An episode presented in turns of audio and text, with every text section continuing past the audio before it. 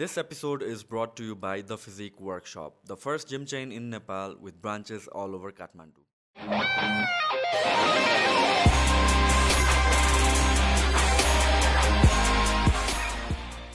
So hydrogen कारको भनेर अहिले एकदमै न्युज सबैतिर आइरहेको छ होइन? अल अफ अ सडन कति दुई तिन दिन जस्तो भयो स्याटरडेको.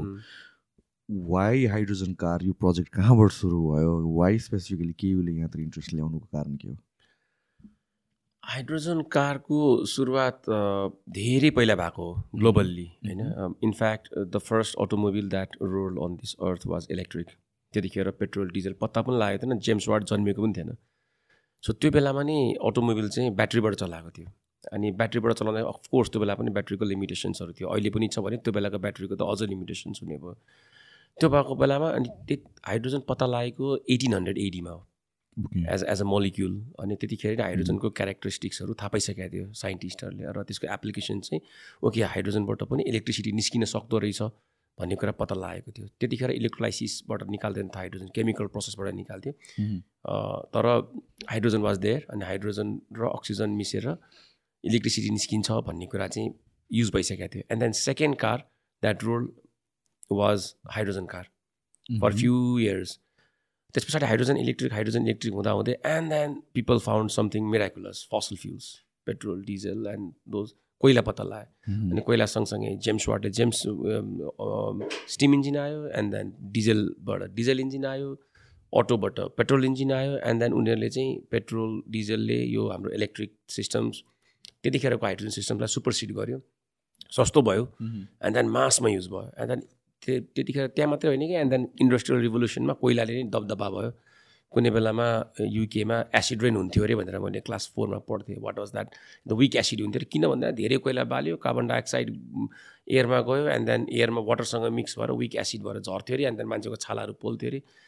त्यतिखेर पनि मान्छेहरू ओ यो हामीले गरेको पोल्युसनको कारण हो भनेर त थाहा पायो बट स्टिल इन्डस्ट्रियल रेभोल्युसनमा त्यो चाहिएको थियो। एनर्जी एन्ड देन गयो गयो। तर अब कहाँ आयो भने एउटा पोइन्ट अफ नो रिटर्नमा आयो भनेर साइन्सले भन्यो।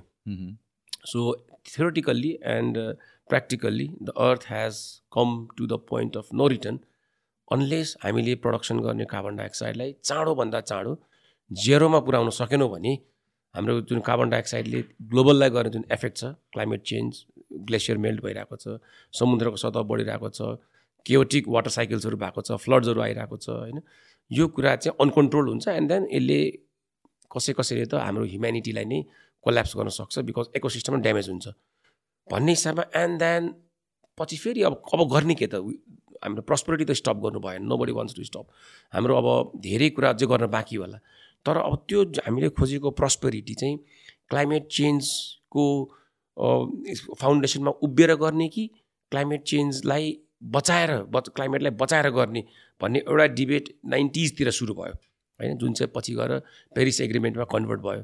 एन्ड देन त्यो हुँदै हुँदै लास्टमा आएर अबको साइन्टिस्टले पोलिटिसियनलाई दिएको मेसेज चाहिँ पोलिटिसियनले बुझ्यो भनौँ फर्स्ट टाइम यति ठुलो कलेक्टिभ डिसिजन हो कि तिन सय वर्ष लगाएर एटिन हन्ड्रेड एडीबाट सुरु भएको।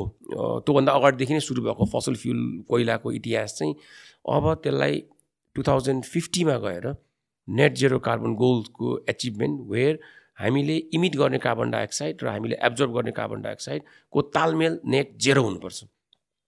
त्यो भनेको ह्युम्यानिटीले अहिलेसम्म गरेको मेरो विचारमा सबैभन्दा ठुलो कलेक्टिभ डिसिजन हो। किनभने सबै डेभलप कन्ट्री सबै डेभलपिङ कन्ट्री र सबै under develop country including Nepal नेपालले पनि अझ हाम्रो प्राइम मिनिस्टरले त टु थाउजन्ड फोर्टी फाइभमै हामी एचिभ गर्छौँ। भनेर भनिसक्नु भएको छ। सो त्यो पृष्ठभूमि सबै हुँदाखेरि now the earth has to say goodbye to fossil fuels starting from coal and then diesel petrol हुँदै हुँदै सबै फसल फ्युललाई बाई भन्दाखेरि त्यसको अल्टरनेटिभ के के हुनसक्छ भनेर हेर्दाखेरि alternative is renewables of course किनभने एनर्जी त चाहिएको छ र रिन्युएबल्स एनर्जी हामीसँग फसल फ्युलको कम्पेरिजनमा six हन्ड्रेडदेखि six thousand times more renewable energy छ सोर्स एज अ सोर्स हामी संसारमा अहिले सोलर हेर्ने हो भने सबै संसारमा सोलर प्यानल राख्न सक्यो भने कति एनर्जी निक्लेला? सबै हाइड्रो पावर निकाल्यो भने कति निक्लेला? सबै सबै विन्ड निकाल्यो भने कति निक्लेला? हामीलाई चाहिने अहिलेको energy consumption which is almost like six sixteen to eighteen terawatt hours per year र हामीले प्रडक्सन गर्ने renewable energy it's like three thousand terawatts hour only on solar त्यस कारण हामीसँग यति धेरै रिन्युएबल रहेछ त। तर अब त्यो रिन्युएबलले फसिल फ्युललाई रिप्लेस गर्न सकिन्छ theoretically possible. But how can we do that how can we use for example सोलरबाट निक्लेको बिजुली अथवा हाइड्रो पावरबाट निक्लेको बिजुलीले प्लेन कसरी उड्छ? पानी जहाज कसरी चल्छ? हेभी टिपर ट्रक्सहरू कसरी चल्छ?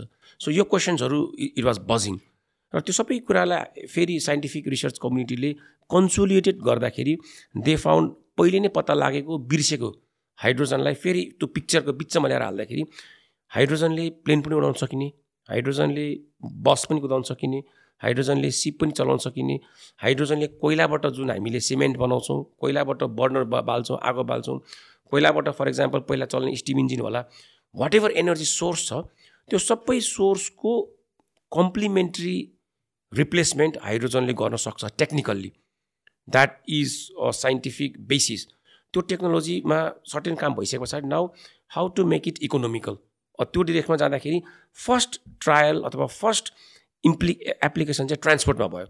पर्टिकुलरली हेभी ट्रान्सपोर्टमा हाइड्रोजन कहिले पनि ब्याट्रीको अगेन्स्ट होइन। दुइटा दे आर सेम थिङ ब्याट्रीले पनि इलेक्ट्रिसिटी नै दिने हो इलेक्ट्रिसिटीले गाडी चल्छ हाइड्रोजनले पनि इलेक्ट्रिसिटी नै दिने हो। त्यही जब एटिन हन्ड्रेडमा जब हाइड्रोजन र ब्याट्रीले गाडीहरू कुदिरहेको थियो त्यो दुइटै गाडीले इलेक्ट्रिसिटीले चलाएको थियो इलेक्ट्रिसिटीको सप्लाई सिस्टम फरक थियो। ब्याट्रीमा सर्टेन च्यालेन्जेस छ। त्यतिखेर पनि थियो अहिले पनि छ। Battery is heavy. ब्याट्रीलाई long time to charge ब्याट्रीसँग एनर्जी क्यापासिटी स्टोरेज गर्ने कम हुन्छ। तर हाइड्रोजन थ्योरिटिकली एउटा एउटा एउटा एउटा सिम्पल लिड एसिड ब्याट्रीसँग कम्पेयर गर्ने हो भने एक केजी ब्याट्रीमा जति एनर्जी स्टोर गर्न मिल्छ हाइड्रोजनमा four hundred times more energy store गर्न मिल्छ। त्यो भनेको सिम्पल ल्याङ्ग्वेजमा एउटा गाडीमा एक किलोग्राम राखेर एक किलोमिटर चल्छ ब्याट्रीले भने त्यही गाडीलाई एक किलोमिटर चलाउनु प चलाउनको लागि चार सय ग्राम चार सय किलोग्राम लोड बोक्न सक्छ उसले। So you can carry heavy loads and you can drive long distance त्यसकारण सानो गाडी पेट्रोलले चल्ने गाडी छोटो दूरीमा चल्ने गाडी र मोस्ट इम्पोर्टेन्टली थोरै लोड भएको गाडी फर इक्जाम्पल बाइक होला हामीले चढ्ने ट्याक्सीहरू होला अथवा हामीले चढ्ने कारहरू होला सर्टेन लेभलको मिनी बसहरू होला द्याट्स फाइन त्यसलाई फसल फ्युलको बेटर रिप्लेसमेन्ट इज ब्याट्री तर हामीले काकरभिट्टाबाट चामल बोकेर कर्णाली जानुपर्छ टिपरमा होइन? दिनको दुई हजारवटा ट्रकहरू काठमाडौँ भित्रिन्छन् बालुवा बोकेर। दे आर सो हेभी पन्ध्र बिस टन लोड बोक्छ। त्यस्तो ट्रकहरूलाई ब्याट्री इज अहिलेको केसमा भन्न त नमिल्ला तर म भन्न सक्छु it's nearly impossible yeah yeah होइन? त्यसको अब त्यसको पनि त रिप्लेसमेन्ट इलेक्ट्रिसिटीले नै ड्राइभ गर्ने हो अल्टिमेटली भने त्यस्तो खालको हेभी लोडमा चाहिँ इलेक्ट्रिक मोटरलाई ब्याट्रीको सट्टामा हाइड्रोजनकोबाट माध्यमबाट इलेक्ट्रिसिटी अनबोर्ड निकाल्यो भने त्यसले ड्राइभ गर्न सक्छ। बिकज त्यहाँबाट चाहिँ हाइड्रोजन चाहिँ ट्रान्सपोर्ट सेक्टरमा डिजेलको रिप्लेसमेन्टमा सबैभन्दा मोस्ट फिजिबल सोल्युसन भएर इभल्भ भयो। एन्ड देन नेपाल भनेको पेट्रोलियम प्रडक्ट नभएको तर इलेक्ट्रिसिटी हाइड्रो पावर भएको। त्यस कारण भएको इलेक्ट्रिसिटीले नभएको पेट्रोलियम प्रडक्टलाई रिप्लेस गर्न चाहिँ हाइड्रोजन पनि one of the many solutions it's not the absolute EV होला अरू अरू पनि होला सिएनजी होला whatever one of the solutions हुनसक्छ र भविष्यमा यो मोस्ट प्रोमिनेन्ट सोल्युसन हुनसक्छ भन्ने हामीले एजुन्सनबाट रिसर्च गऱ्यौँ three years back and then अस्ति एउटा माइल स्टोन एचिभ गऱ्यौँ। अलिकति ब्याकग्राउन्ड थोरै लामो भयो होला। सो यो मैले भर्खर तपाईँले भनेर बुझाएअनुसारले चाहिँ ड्राइभ गर्न त इलेक्ट्रिसिटी नै हो। जसरी इलेक्ट्रिक कारमा चाहिँ battery as a store storage हुन्छ त्यस्तै यहाँ चाहिँ हाइड्रोजन भने स्टोरेज हो। It's not the.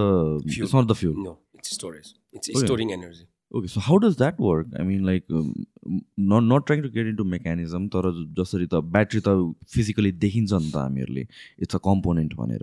So like यो हाइड्रोजन कारमा चाहिँ हाइड्रोजन चाहिँ कसरी एज अ कम्पोनेन्ट युज हुन्छ? भेरी नाइस इट्स सिम्पल होइन टेक्निकल पहिला सुरुमा हामीलाई बिजुली चाहियो।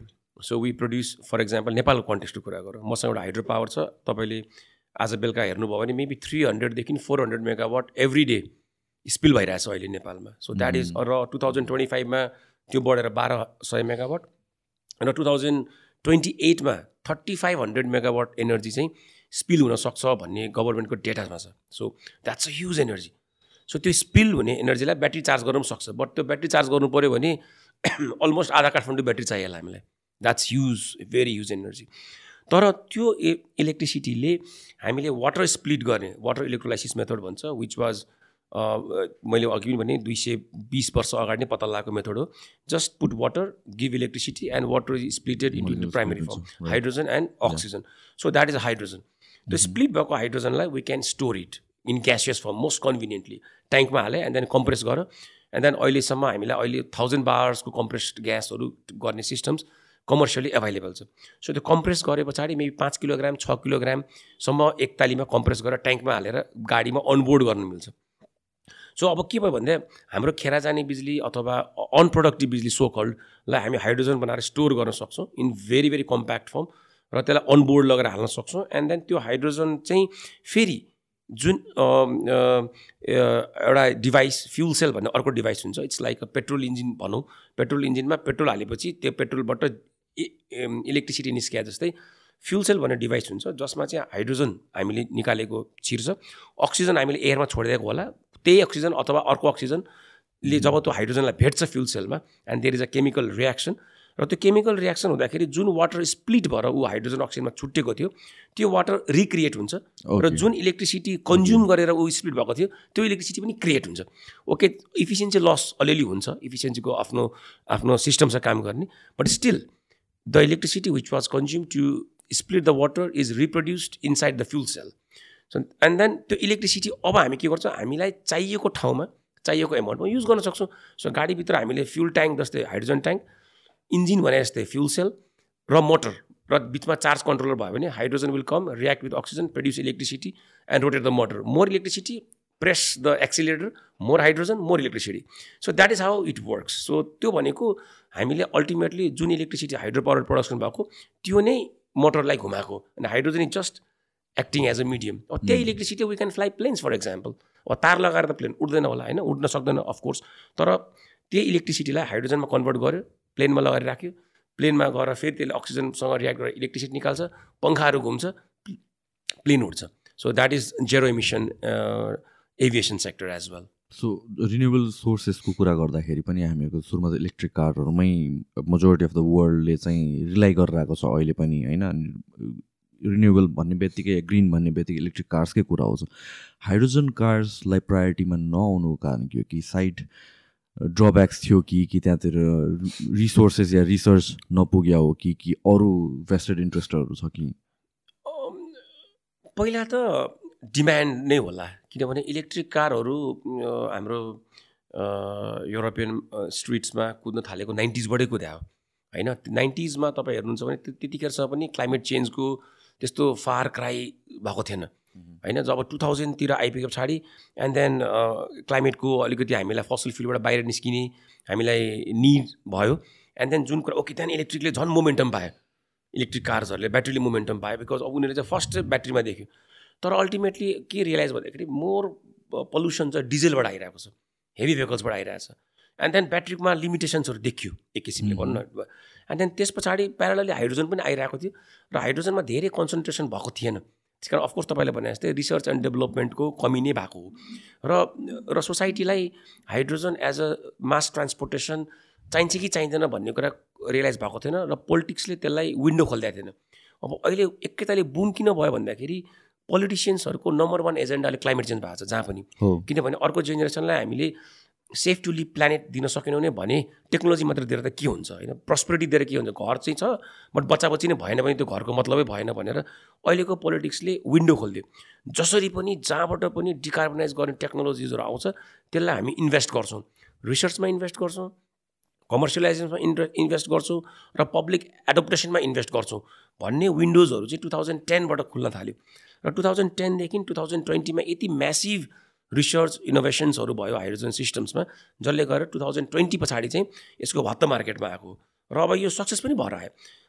सबै कुराहरू त्यस्तै नै देखिन्छ कि उसमा साइन्समा पहिला हामी सानो हुँदाखेरि हामी फ्लपी थियो। होइन फ्लपी हो one point three MB wow होइन एन्ड देन सडनली सिडी आयो। एकैतालि सेभेन हन्ड्रेड एमबी भयो। सो त्यो फ्लपी भनेको मैले हेर्दाखेरि पेट्रोल डिजल इन्जिन हो होइन? अनि जब सिडी आयो मान्छेले फ्लपी चाहिएन। Oh CD it's very nice भन्यो तर त्यतिखेरसम्म पनि त हार्ड ड्राइभ आएको थिएन। अनि फ्लप सबैले फ्लपीमा इन्भेस्ट गर्यो इन्भेस्ट गर्यो। And then suddenly hard drive आयो एकैताली वान गेगा बाइटको सानो आयो हार्ड ड्राइभ आयो। सुरुमा महँगो भयो पछि त्यो फ्लपीभन्दा सस्तो परेको। सो मेरो हामीले कम्पेयर गर्दा फ्लपी भनेको चाहिँ डिजेल पेट्रोल भेक फसल फ्युल्स अहिलेको इभी e भनेको चाहिँ सिडी जस्तो भयो अलिक बेटर तर हाइड्रोजन चाहिँ hard drive which is still evolving र यसको इभोल्युसन कहाँसम्म पुग्छ? पहिला फर्स्ट हार्ड ड्राइभ आउँदाखेरि टु हन्ड्रेड फिफ्टी सिक्स एमबीको आएको थियो। अहिले two hundred fifty six terabyte पुगिसक्यो। अब त्यसको एन्ड कहाँ छ? इट्स स्टिल इनोभेसन्स तर यसलाई सबैभन्दा ठुलो ब्याकअप भनेको चाहिँ पोलिटिसियन पोलि पोलिटिकल ब्याकअप र पोलिटिकल ब्याकअप चाहिँ for the sake of climate change र यो अलिकति लाइफसँग इमोसनसँग जोडिएको हुनाले यसमा चाहिँ धेरै सफ्ट कर्नरहरू पनि आएको छ सब्सिडीहरू आएको छ। र यसले चाहिँ अहिले लेटेस्ट स्केलमा आएर चाहिँ यसलाई पहिलाभन्दा बेटर रूपमा सोसाइटीले पनि एडप्ट गरेको कारण चाहिँ त्यसबाट हो। सो इन टर्म्स अफ पावरको पनि कुरा आउँछ at the end of the day होइन? एफिसियन्सी किनभने ह्युमन्सले अब भन्न फर पिपल मोस्ट एभरेज पिपलको लागि on efficiency matters the most renewable गोल्सहरू पनि छ साइडमा। तर as long as the technology त्यो बेटर भएन भने र लाइक जस्तो कि डिजल र जुन फसिल फ्युलको हामीको भेहिकल्स चलाइरहेको छ त्यसको एक्ज्याक्ट या त्योभन्दा पनि बेटर या भने त्योभन्दा थोरै मात्र तल एफिसियन्सी लुज गरेर टेक्नोलोजी हामी एडप्ट गर्न नसकेसम्म ह्युमन्सले मास एडप्सन त गर्दैन. सो वाट मेक्स हाइड्रोजनले ड्राइभ गरिरहेको भेहिकल्सहरू how are they so much powerful किनभने इलेक्ट्रिकमा पनि त अहिले त एकदमै ठुलो इनोभेसन्स आइसक्यो। इभन टेस्लाहरू कुरा गर्दाखेरि लाइक थ्री पोइन्ट कति सेकेन्ड्समा जिरो टु हन्ड्रेड जान्छ। हाइड्रोजन चाहिँ त्योभन्दा पनि बेटर टेक्नोलोजी भनेर भन्दाखेरि चाहिँ what makes that so unique no त्यो हामीले हाम्रो हाम्रो जेनेरेसन अथवा हाम्रो अलिकति अगाडिको जेनेरेसनले थाहा पाएको हाइड्रोजनको पावर पहिलो जुन एपोलो इलेभेन उड्यो चन्द्रमाको लागि हाइड्रोजन वाज द फ्युल होइन? हाइड्रोजनको पावर त्यहाँबाट थाहा हुन्छ बिकज ग्राभिटीलाई जितेर ग्राभिटीको अगेन्स्टमा प्रपेल गरे रकेट हाइड्रोजनले उडाएको बममा सबभन्दा खतरा हामीले सानो बच्चा अब देखाएको त छैन but atom bomb atom bomb भन्दा पनि पावरफुल चाहिँ हाइड्रोजन बम भनेर भन्छ होइन? सो त्यस कारण अब ठुल्ठुलो मेजर त्यसबाट थाहा हुन्छ hydrogen is very very powerful अब क्यालोरिफिक भ्याल्युको कम्पेरिजन गर्ने भने हाम्रो gas normal petrol diesel fifty forty megajoule per kilogram हुँदाखेरि hydrogen is one hundred twenty megajoule per kilogram. So three times हाम्रो नर्मल पेट्रोलियम प्रडक्ट्सभन्दा तिन गुणा मोर एनर्जी डेन्सिटी हुन्छ पर किलोग्राममा हाइड्रोजनमा। सो त्यसलाई त्यो एनर्जी डेन्सिटीलाई पावरमा कन्भर्ट गर्ने सिस्टम पहिला डेभलप भइसकेका थिएन। बिकज एनर्जी भनेको एउटा कुरा अब पावर भनेको how fast you draw that energy र अहिले मोडर्न फ्युल सेल्सहरू चाहिँ इट्स मोर पावरफुल पहिलाभन्दा पावरफुल इक्विपमेन्टहरू आयो सानो इक्विपमेन्टहरू आयो। पहिला टु एटिन हन्ड्रेडमै बनेको fuel cell was very heavy one वाटको फ्युल सेल पनि एकदमै ठुलो हुन्थ्यो होइन? तर अब अहिले research and इनोभेसन्सले one hundred twenty megajoule per किलोग्रामलाई milli सेकेन्ड्समा एक्सट्र्याक्ट गर्ने फ्युल सेल्सहरू बनाइसकेको छ। सो त्यस कारणले गर्दाखेरि चाहिँ अब यो ब्याट्रीभन्दा फार मोर एनर्जी डेन्सिटी त छँदैछ र त्यो पावरमा पनि त्यसलाई एक्सट्र्याक्ट गर्ने सिस्टम भयो। र अर्को कुरा hydrogen is consumed on the way so battery is not consumed battery पचास किलोग्राम अथवा अहिलेको ब्याट्री अस्सी किलोग्रामको ब्याट्रीहरू प्याकहरू आउँछ। So eighty kilogram gram battery charge गरे पनि एट्टी हो डिस्चार्ज गरे पनि एट्टी हो। र त्यसले एट्टी किलोग्राम ब्याट्रीले छ सय किलोमिटर पा हार्डली थ्री हन्ड्रेड किलोमिटर त्यसलाई तर छ किलोग्राम हाइड्रोजनले दुई हजार किलोमिटर दिने गाडीहरू मार्केटमा आयो। सो अब that is a big difference नि अटो किनभने त्यो त्यो एट्टी किलोग्राम ब्याट्री गाडीमा बसेर आफूलाई ड्राइभ गर्न आफैको पनि कन्ज्युम त हुन्छ नि। सो एट्टी किलोग्रामको सट्टामा दुइटा मान्छे फोर्टी किलोग्रामको राख्नु मिल्थ्यो होला। तर हाइड्रोजनमा that is the added advantage अनि त्यसले गर्दाखेरि अब अर्को पार्ट भनेको कस्ट कम्पिटेटिभनेस हो। त्यो कस्ट कम्पिटेटिभनेस चाहिँ म्यास प्रडक्सन र टेक्नोलोजीको एडप्टेसन र इनोभेसन्समा डिपेन्ड हुन्छ।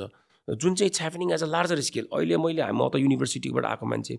युनिभर्सिटीमा सबैभन्दा धेरै रिसर्च फन्ड केमा आइरहेको छ भनेर हामीले सर्वे गर्दा पनि अहिले धेरै जसो युनिभर्सिटीमा चाहिँ हाइड्रोजन टेक्नोलोजीमा आएको छ। एउटै युनिभर्सिटीमा पाँचजना सातजना पिएचडी दिएको छ। Four million dollars seven hundred seven million डलर्सको प्याकेजहरू युनिभर्सिटीहरूलाई डेभलपिङ डेभलप कन्ट्रीहरूमा दिइरहेको छ। जसले गर्दाखेरि अझ अर्को जेनेरेसनमा more innovative more cross cutting technology आओस् भनेर। Again fundamentally because we need to save planet and we need to ensure the prosperity growth is intact यो दुइटाको बिचमा चाहिँ hydrogen has some role to play भन्ने कुरा चाहिँ पोलिटिसियन्स साइन्टिस्ट बिजनेस सेक्टर तिनटै सेक्टरले बुझिरहेको अवस्था छ भनौँ अहिले। सो जस्तो कि रिन्युएबल सोर्सेसको कुरा गर्दाखेरि ग्रिन सोर्सको कुरा गर्दाखेरि चाहिँ इलेक्ट्रिकल भेहिकल्सहरूमा पनि कतिवटा क्वेसन उठ्छ कि। So one of the question भनेको चाहिँ वेस्टमा त अब इलेक्ट्रिसिटी कोल नै युज गरेर प्रड्युस गरेर आउँछ भनेपछि हाउ इज द्याट एफिसियन्ट भन्ने कुरा आयो। कसरी यो जुन क्लाइमेट चेन्जको कुरा गर्छु या रिन्युएबल सोर्सेसको कुरा गर्छु it's just same thing different वेबाट चले आऊ जस्तो भन्ने कुरा आउँछ। अर्को भनेपछि अगेन ब्याट्रीकै itself it's in question किनभने त्यसमा कोबाल्ट युज हुन्छ कोबाल्ट इज अगेन मिनरल जुन चाहिँ अलरेडी रेयर अर्थ मटेरियल हो भनेर भनेपछि यो पनि कसरी सस्टेनेबल भयो? दिस इज नट सस्टेनेबल भन्ने कुरा आउँछ। तर when it comes to hydrogen technology त्यहाँ के त्यस्तो ड्रब्याक छ हामीले अहिले हेर्दाखेरि? हाइड्रोजनमा पनि केही कार्बन फुटप्रिन्टहरू ब्याट्रीभन्दा धेरै धेरै कम छ। किनभने यो चाहिँ कुनै स्ट्यान्डर्ड डिभाइस युज गरेर ब्याट्रीलाई ब्याट्री जस्तो होइन। यसलाई चाहिँ hydrogen as a as a mass नै कन्ज्युम हुने हुनाले यसमा त्यस्तो प्रब्लम फुटप्रिन्टहरू कम छ। तर टेक्नोलोजी वाइज अहिले पनि फ्युल सेलमा केही अलिकति ट्रेसेसहरू छ। रेयर अर्थ मेटेरियलको ट्रेसेसहरू छ। तर ब्याट्री जति हेभी छैन यो कम छ। तर त्यसमा पनि अब अहिलेको सबैभन्दा ठुलो रिसर्च चाहिँ हाइड्रोजन टेक्नोलोजीमा सिन्थेटिक मेटेरियल्सहरू युज गर्नको लागि हामी रिसर्च एन्ड इनोभेसन्स भइरहेको छ। मेरै एकजना पिएचडी अहिले नर्वेमा हुनुहुन्छ। उहाँ चाहिँ नर्वेजियन टेक्नोलोजी अहिलेमा स्टेट अफ आर्टमा। अहिले जुन प्लेटिनियम रड्सहरू युज हुन्छ फ्युल सेलमा प्लेटिनियम रड्सको सट्टामा ग्राफाइट रड्सहरू युज गर्ने भन्ने रिसर्चहरू भइरहेको छ। प्लेटिनियम पनि इट्स काइन्ड अफ ब्याटर कोबाल्टहरू जस्तो लिथियम जस्तो रेयर त होइन बट स्टिल इट्स एक्सपेन्सिभ. मात्रै होइन। बट त्यो एक्सपेन्सिभ पार्टलाई पनि and that is controlling almost thirty percent of cost so त्यस्तोमा रिसर्चहरू एकदमै धेरै भइरहेछ। सो इलेक्ट्रोलाइजर जुन जुन हामीले हाइड्रोजन प्रडक्सन गर्न युज गर्छौँ त्यहाँ इरिडियम भन्ने एउटा अलिकति रेयर अर्थ मेटेरियल्सहरू त्यहाँ पनि थोरै एमाउन्टमा युज हुन्छ। सो अहिलेको सबैको ध्यान चाहिँ हाइड्रोजनलाई कार्बन फ्री त छँदैछ रेयर अर्थ मेटेरियल फ्री कसरी बनाउने र यसमा एक्सपेन्सिभ मेटेरियल कसरी हटाउने भन्ने कुरामा अब फ्युचर डिरेक्सनमा गइरहेको छ। अनि त्यो गयो भने त्यसको आफ्नो पार्ट छ। र अर्को चाहिँ नेक्स्ट लेभल अफ रिसर्च चाहिँ हाइड्रोजनलाई चाहिँ जुन अहिले केमिकल प्रोसेसबाट थर्मल प्रोसेसमा जान पनि खोजिरहेको छौँ हामी जसमा चाहिँ hydrogen is like use like a diesel like a combustion इन्जिनमा गएर it combust it burns down like fairly. So that's just a engine. अनि त्यो कम्बसनलाई हामीले कन्ट्रोल गरेर एमोनिया कम्बसन हुन्छ हाइड्रोजन कम्बसन हुन्छ त्यो भयो भने it will be like engine and and what it adjust is water paper. Simply. So that that there so many different fronts किन हाइड्रोजन यति फ्लेक्सिबल छ। यति धेरै त्यसको भर्सिटालिटी छ। त्यसलाई साइन्स र टेक्नोलोजी चिन्न बुझ्न र कमर्सियली एडप्ट गर्न बाँकी नै छ। किन भर्खर त दस वर्ष भयो हाइड्रोजनलाई यति धेरै गहिराइमा गएर हेर्न थालेको र अर्को दस वर्षमा त things will happen very rapidly अहिले भन्छ हामीले हेर्दाखेरि दस वर्ष अगाडिको फोन तपाईँले हेर्नुभयो भने र आजको फोन हेर्नुभयो भने जुन स्केल अफ म्यासिभ ट्रान्सफर्मेसन आएको छ हाइड्रोजन टेक्नोलोजीमा पनि त्यही म्यासिभ ट्रान्सफर्मेसन आउँछ। र त्यही त्यही लेभल अफ माइन्ड्सहरू लागेको छ भनेर धेरैवटा लिटरेचरमा हामीले पढ्छौँ। सो वान पोइन्टमा एकचोटि पानीले चल्ने गाडी भनेर भनेको थियो। Like what is that is it similar to यो टेक्नोलोजी कि त्यो कम अर्को कुरा त किनभने एकचोटि आयो त्यो कुरा अनि त्यसपछि हरायो। सिमिलर हो र यो कि डिफ्रेन्ट आई थिङ्क त्यसमा मैले पनि बुझेको पानीले चढ्ने टेक बुझेको चाहिँ फेयरली यो हाइड्रोजन नै हुनुपर्छ। मैले पनि त्यसमा धेरै गरेन। कि पुरानो पानी हुनु पऱ्यो जेम्स वाटवाला पानी हुनु पऱ्यो किन पानी छ? होइन कोइलाले बाल्यो पानीले एन्ड देन स्टिम इन्जिन चलेर चल्नु पऱ्यो द्याट्स भेरी भेरी ओल्ड अहिलेको पानीबाट किन पानी आफैले त इन्जिन चल्दैन अलमोस्ट टेन इयर्स अगाडिको कुरा होला मैले यो त्यतिखेर सुनेको थिएँ कि। पानीले चल्ने काइन्ड अफ भेहिकल भनेर। सो किनभने जस्तो कि यो त यो हाइड्रोजन कारमा पानी युज। गर्छौँ र पानी नै युज गर्छ। एज अ फ्युल नै रिफिल गर्छ कारमा होइन रिफिलिङ स्टेसनमा सो हामीसँग पनि. जुन अहिले रिफिलिङ स्टेसन आयो अथवा जहाँ पनि तपाईँ जानुभयो भने you put water and you give electricity so बत्ती जोडिदिनुहुन्छ पानी हालिदिनुहुन्छ एन्ड देन त्यही पानीबाट निस्केको हाइड्रोजन गाडीमा हाल्ने हो। सो बेसिकली तपाईँले हाल्नु के भयो भन्दाखेरि मासमा पानी मात्रै हाल्नु भयो। इलेक्ट्रिसिटीको त मास हुँदैन। So what goes inside a close system is only water त्यसपर कसैले यसलाई जेनरलाइज गर्दाखेरि आजभन्दा दस वर्ष अगाडि हाइड्रोजनको यति. धेरै फिलोसफी बुझ्ने मान्छेहरू थिएन। त्यो हुँदाखेरि बुझाउनलाई पानी नै हो। पानी हो भनेर पनि। भने हुनसक्छ हो। आई गेस सो यसमा जाने कस्ट चाहिँ के हो? I mean like not in the technology itself so once किनिसकेपछि जस्तो कि फ्युल भयो उतातिर एउटा एउटामा चाहिँ इलेक्ट्रिसिटी भयो। सो त्यसमा चाहिँ तपाईँले वाटर र इलेक्ट्रिसिटी भनेर भनिरहनु भएको छ। भनेपछि does it become cheaper than electric electric cars not as of now because. Technology is evolving अब तपाईँले मैले हाइड्रोजनमा काम गर्दा सुरु गर्दाखेरि हाइड्रोजनको एभरेज प्राइस पर किलोग्राम सात रुपियाँ थियो। ग्लोबल मार्केटमा आज त्यो पाँच रुपियाँ भइसकेको छ। एभरेजमा प्रडक्सन कस्ट होइन? हाम्रो स्ट्याटिस्टिकल डेटा अनुसार। अब नेक्स्ट टु इयर्समा त्यो थ्री डलर्स पर किलोग्राममा झर्छ भन्ने प्रोजेक्सन भएको छ। र अल्टिमेट हाइड्रोजन टेक्नोलोजीको अल्टिमेट गोल भनेको चाहिँ hydrogen per kilogram one dollar so धेरैवटा कन्ट्रीले including India they are calling like one one one target one डिकेटमा one kilogram hydrogen one डलरमा so ten years down the line सबै कन्ट्रीले को target को चाँडो पुग्ने? एक डिकेट चाहिँ एकदमै लामो टाइम राख्या हो। कोही पाँच वर्षमा पुग्यो भने he will be the winner so even India is running after that one kilogram one decade one dollar so one dollar hydrogen भनेको that's almost one hundred thirty rupees भनौँ न अहिले होइन? र अहिलेको हाम्रो एभरेज आजकै दिनमा हाइड्रोजनको भेहिकलको बिएमडब्ल्युलेहरूले निकालेको car even Toyota Mirai one kilogram हाइड्रोजनले दुई सय किलोमिटर चढ चल्ने कारहरू मार्केटमा एभाइलेबल छ one किलोमिटरले one one kilogram one kilogram so अहिले हामीलाई कति परिरहेछ वान र अहिले अहिले अहिलेको फाइभ डलर्स भनौँ। फाइभ डलर्स भनेपछि छ सय रुपियाँमा दुई सय किलोमिटर चले जस्तो भयो. Okay okay that is now it is come coming competitive way तर क्यान यु इमेजिन वान डलरमा झऱ्यो भने? And that is the game changing thing so त्यो वान डलरमा कसरी पुऱ्याउने हाइड्रोजनलाई त्यहाँ चाहिँ धेरै रिसर्च इनोभेसन्सहरू भएको छ। र अल्टिमेटली ठुल्ठुलो टार्गेट्सहरू त्यो छ। सो जुन दिन वान डलरमा हाइड्रोजन हामीले उत्पादन गर्न सक्छौँ त्यो दिन hydrogen energy will be the cheapest एउटा पार्ट र अर्को पार्ट चाहिँ हाइड्रोजनमा जो जुन किसिमको ऱ्यापिड इनोभेसन्सहरू भएको छ तपाईँले हेर्नुभयो भने हामीले पनि पढ्थ्यो संसारमा ह्युम्यानिटीले price drop in terms of time witness गरेको सोलर प्यानलमा ट्वेन्टी इयर्समा एटी पर्सेन्टसम्मको प्राइस ड्रप भयो। होइन हजार रुपियाँ पर्ने सोलर प्यानल बिस वर्ष अगाडि अहिले झन्डै दुई सय रुपियाँमा पाउँछ होइन? त्यो त्यो लेभलमा प्राइस ड्रप भयो। अबको साइन्स साइन्टिफिक कम्युनिटी त्यो मा जुन माइन्ड त्यहाँ युज भयो त्यही स्केलको माइन्ड चाहिँ they are working on hydrogen technologies अहिले। ब्याट्रीमा पनि काम गरिरहेछ तर ब्याट्रीभन्दा पनि हाइड्रोजन लुक्स मोर फिजिबल भनेर। So what they are trying is त्यसरी नै म्यासिभ प्राइसको ड्रप हाइड्रोजनमा आयो भने and then solar and hydrogen they work सोलरबाट निकाल इलेक्ट्रिसिटी निस्किन्छ। हामी पो हाइड्रो पावरको कुरा हो सबैतिर हाइड्रो पावर छैन। सो सोलरको प्राइस पनि एट्टी पर्सेन्टले घट्यो। हाइड्रोजनको प्राइस पनि एट्टी पर्सेन्टले घट्यो।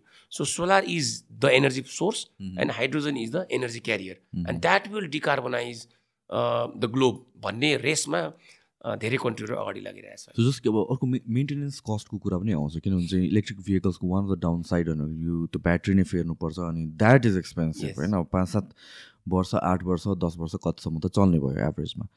तर त्यो battery फेर्दाखेरि I did my calculation usually cost wise हेर्ने हो भने अल दो रनिङ कस्ट लो छ तर डिजल पेट्रोल कार र इलेक्ट्रिक कारको हेर्ने हो भने अलमोस्ट उस्तै उस्तै पर्छ। It doesn't look attractive at the end of the day दस अँ, वर्षको ल मैले कति खर्च गरेँ फ्युलमा कति खर्च गरेँ इलेक्ट्रिक कारमा हेर्दाखेरि मन्थ बाई मन्थ त क्या जस्तो आउँछ। तर द्याट मेन्टेनेन्स कस्ट जुन वान टाइम ब्याट्री नै फेर्नुपर्छ त्यसले त एभरेजमा त उस्तै उस्तै अलमोस्ट पुरा हुन्छ। अलिकति फाइदा होला। आम नट स्योर बट एकदमै मार्जिनल भयो भन्न खोजेको। So similar in terms of hydrogen technology त्यहाँ मेन्टेनेन्स कस्टहरू के हुन्छ त्यति धेरै अब हामीलाई लाइफ सिनेरियोजहरू आइसकेका छैन। तर hydrogen thing is all chemical process अहिलेसम्मलाई त्यस कारणले त्यसको मुभिङ पार्ट्सहरू केही पनि हुँदैन। इलेक्ट्रिक जस्तै हो। र ब्याट्री जस्तो पनि होइन। ब्याट्री ब्याट्रीको प्रब्लम भनेको चाहिँ ब्याट्री बिग्रिने भने चाहिँ ड्र डाउन भएर भयो कि। जस्तै हामीले उकालोमा जानु पऱ्यो झ्याप्पै इलेक्ट्रिसिटी तान्नु पऱ्यो भने किन ब्याट्रीमा त त्यहाँ भएकोबाट ड्र गर्ने हो। त्यसले अनि त्यो तान्दाखेरि झ्याप्पै ब्याट्री बिग्रिन्छ। अहिले सफा टेम्पोको फार क्राई नै त्यही छ। ओके उकालोमा. उकालोमा चाहिँ Right. कहिले काहीँ आठजना बस्नु पर्ने ठाउँमा बाह्रजना बसिदिन्छ बेलुकाको टाइममा. होइन? अनि त्यहाँदेखि उकालोमा गएर ट्राफिक जाम हुन्छ। एन्ड देन तान्दाखेरि ब्याट्रीमा ड्र डाउन हुन्छ। अनि त्यसले गर्दाखेरि झ्याप चक्कुले काटे जस्तो हो नि. चक्कुले काट्न कति दुई सेकेन्ड लाग्छ नि हात होइन? तर त्यो काटेपछि सक्यो फिनिस्ड सो त्यसरी ब्याट्री त्यहाँ जाने हो। तर हाइड्रोजनमा त्यो त्यो प्रब्लम हुँदैन। सो हाइड्रोजनमा हाइड्रोजन इज देयर सो जति हाइड्रोजन चाहियो you can just pull the hydrogen empty the tank त्यो हिसाबले गर्दाखेरि chemically they are different processes त्यस कारणले गर्दाखेरि हाइड्रोजन सिस्टमको लाइफ ब्याट्री भन् भन्दा अलिक लामो हुन्छ एउटा कुरा। र दोस्रो कुरा जब हाइड्रोजन चाहिँ कम्बसन प्रोसेसमा जान्छ कम्बसन सिस्टममा जान्छ। And it will be exactly like a petrol car hydrogen छिर्छ बल्छ and then it works like फ्युलको सट्टामा हाइड्रोजन बन्ने सो जुन इलेक्ट्रिकको भेहिकल्सको टेक्नोलोजीको पनि कुरा गरौँ उकालोमा इस्यु हुनु इज इट बिकज हाम्रो केसमा त it's older relatively older technology होला तर इनोभेसन त त्यहाँ पनि बेसी भइसक्यो होला। अहिलेको पनि लेटेस्ट इलेक्ट्रिक कार्सहरूमा या भेहिकल्सहरूमा त्यो इस्युज छ जसले गरेर ब्याट्री ड्र गरेर त्यो इस्यु होइन त्यो इस्यु हामी कहाँ रिलेटिभली कम छ किनभने हामीले ब्याट्री ब्याट्री कार युज गर्ने भनेको नर्मल कारमा हो होइन? कारमा चा तिनजना चारजना मान्छे बस्छ। पाँचजना भन्दा बढ्दा मान्छे अड्दै अड्दैन बस्दै मास मास ट्रान्सपोर्टेसनमा यस जब ठुलो ट्रान्सपोर्टेसन आउँछ जब it has been design for forty people for example र टेन डिग्रीको उकालो र सडन केसमा तर जब त्यो कन्ट्रोल हुँदैन नि अपरेटिङ कन्डिसन कन्ट्रोल हुँदैन and then it dies faster त्यो भनेको तपाईँलाई ट्वेन्टी पर्सेन्ट अक्सिजन चाहिने रुममा बस्नुपर्ने ठाउँमा फाइभ पर्सेन्ट अक्सिजनमा लगाएर हालिदियो भने कस्तो फिल हुन्छ? हाउ डु यु फिल त्यस्तै ब्याट्रीलाई पनि यति पर्सेन्ट करेन्ट जस्तै फिफ्टी एम्पियरको रेटिङ हुन्छ नर्मल्ली इभीमा फिफ्टी एम्पियरको ठाउँमा सेभेन्टी एम्पियर तानिदियो भने ब्याट्रीले दिन्छ सेभेन्टी एम्पियर पनि दिन्छ बट त्यो सेभेन्टी एम्पियर दिँदाखेरि उसले आफ्नो लाइफ कम्प्रोमाइज गर्छ। So in terms of reliability कस्तो छ? रिलायबल रिलायबिलिटीमा अहिलेसम्म हामीले जति पनि आयो जस्तै अहिले फर्स्ट हाइड्रोजन कार अब यो हुन्डाई मिराई अहिले कोरिया र जापानले लिएर आयो। अहिलेसम्म तिनीहरू तिनीहरूको चाहिँ फर्स्टबाट सेकेन्ड सेकेन्डबाट थर्ड जेनेरेसनमा गइसकेको छ सो त्यही रिलायबिलिटी भनेको पनि अब हाम्रो मोबाइल फोन पहिला नोकियाबाट सुरु भएर अहिले हामी स्मार्टफोनमा गएको जस्तै हाइड्रोजनको टेक्नोलोजी एकदम फास्ट मेच्योर भइरहेको छ। पहिलाको सिस्टममा सेफ्टी इस्युजहरू धेरै थियो। हो किनभने मेरो पनि दिमागमा आउने भनेको safety issues it's a volatile एउटा compound so like element so कतिको स्टेबल छ भन्ने कुरा हो त्यो त्यो त्यो इस्युजहरू धेरै ह्यान्डल हुँदै हुँदै हुँदै गएर अहिले अहिले अहिलेको सिस्टम्समा मैले त्यस्तो रिलायबिलिटीको प्रब्लम होइन त्यो मेन्टेनेन्सको प्रब्लम हामी हामीले रिपोर्ट हेर्ने हो। रिपोर्टमा त्यस्तो देखिँदैन अहिलेसम्म। ओके सो जुन अडप्सन भइरहेको छ भन्नु बाहिर कन्ट्रिजमा किन हामीलाई त it's very news new so एउटा हाइड्रोजन कार आउने बित्तिकै न्युज नै बन्यो नेसन वाइड राइट अरू कन्ट्रीमा त यो त अप्लाई भइरहेको छ युज भइरहेको छ। कुन लेभलमा चाहिँ उतातिर एक्सेप्ट गरेर आएको छ लाइक पब्लिकहरूले किनभने चाहिँ again any kind of innovation सुरुमा चाहिँ इन्थुजिस्टहरू चाहिँ छिर्छन् होइन? It's a very small amount of person amount of people तर त्यो मास अडप्सन हुनको लागि जुन त्यो कर्भ राइड गर्नुपर्छ त्यहाँ त एउटा सर्टन ब्याकट्र्याक भइसकेपछि एउटा हिस्ट्री भइसकेपछि एउटा रेकर्ड भइसकेपछि मोर पिपलले ट्रस्ट गर्न थाल्छ। त्यहाँ हामी पुगिसक्यो इन्टरनेसनल स्केलमा हेर्दा हेर्दाखेरि ग्लोबल्ली चाहिँ कस्तो भइरहेको छ भन्दाखेरि हाइड्रोजन चाहिँ पोलिटिकल फ्युल भएको छ क्या यो। हाइड्रोजन चाहिँ ओपन मार्केटबाट आएको होइन। जस्तै तपाईँले चिनीको अथवा टुथपेस्टको नयाँ प्रडक्ट हाल्नुभयो भने ओपन मार्केटले ड्राइभ गर्छ त्यसलाई कसले सस्तो बनायो कसले राम्रो बनायो कसले धेरै ट्याक्स तिर्छ त्यो सिस्टमबाट आउँछ। तर हाइड्रोजनको चाहिँ ब्याकडोरबाट आइरहेको छ हाइड्रोजन अहिले टु बी अनेस्ट होइन। जस्तै इन्डियामा दिल्लीमा जति पनि अहिले अहिले आज पनि हेर्नुहुन्छ न्युजमा सबै स्कुल बन्द छ होइन बच्चाहरूलाई बाहिर निक्ल्न पाएको छैन। That has a cost behind it होइन? त्यसको दिल्लीमा के रिपोर्टसम्म आयो भने हेल्थको यदि दिल्लीबाट ट्रान्सपोर्ट सेक्टरलाई कम्प्लिटली डिकार्बनाइज गरिदिनु भने एभरेज दिल्लीवासीको लाइफ तिन वर्षले बढ्छ अरे।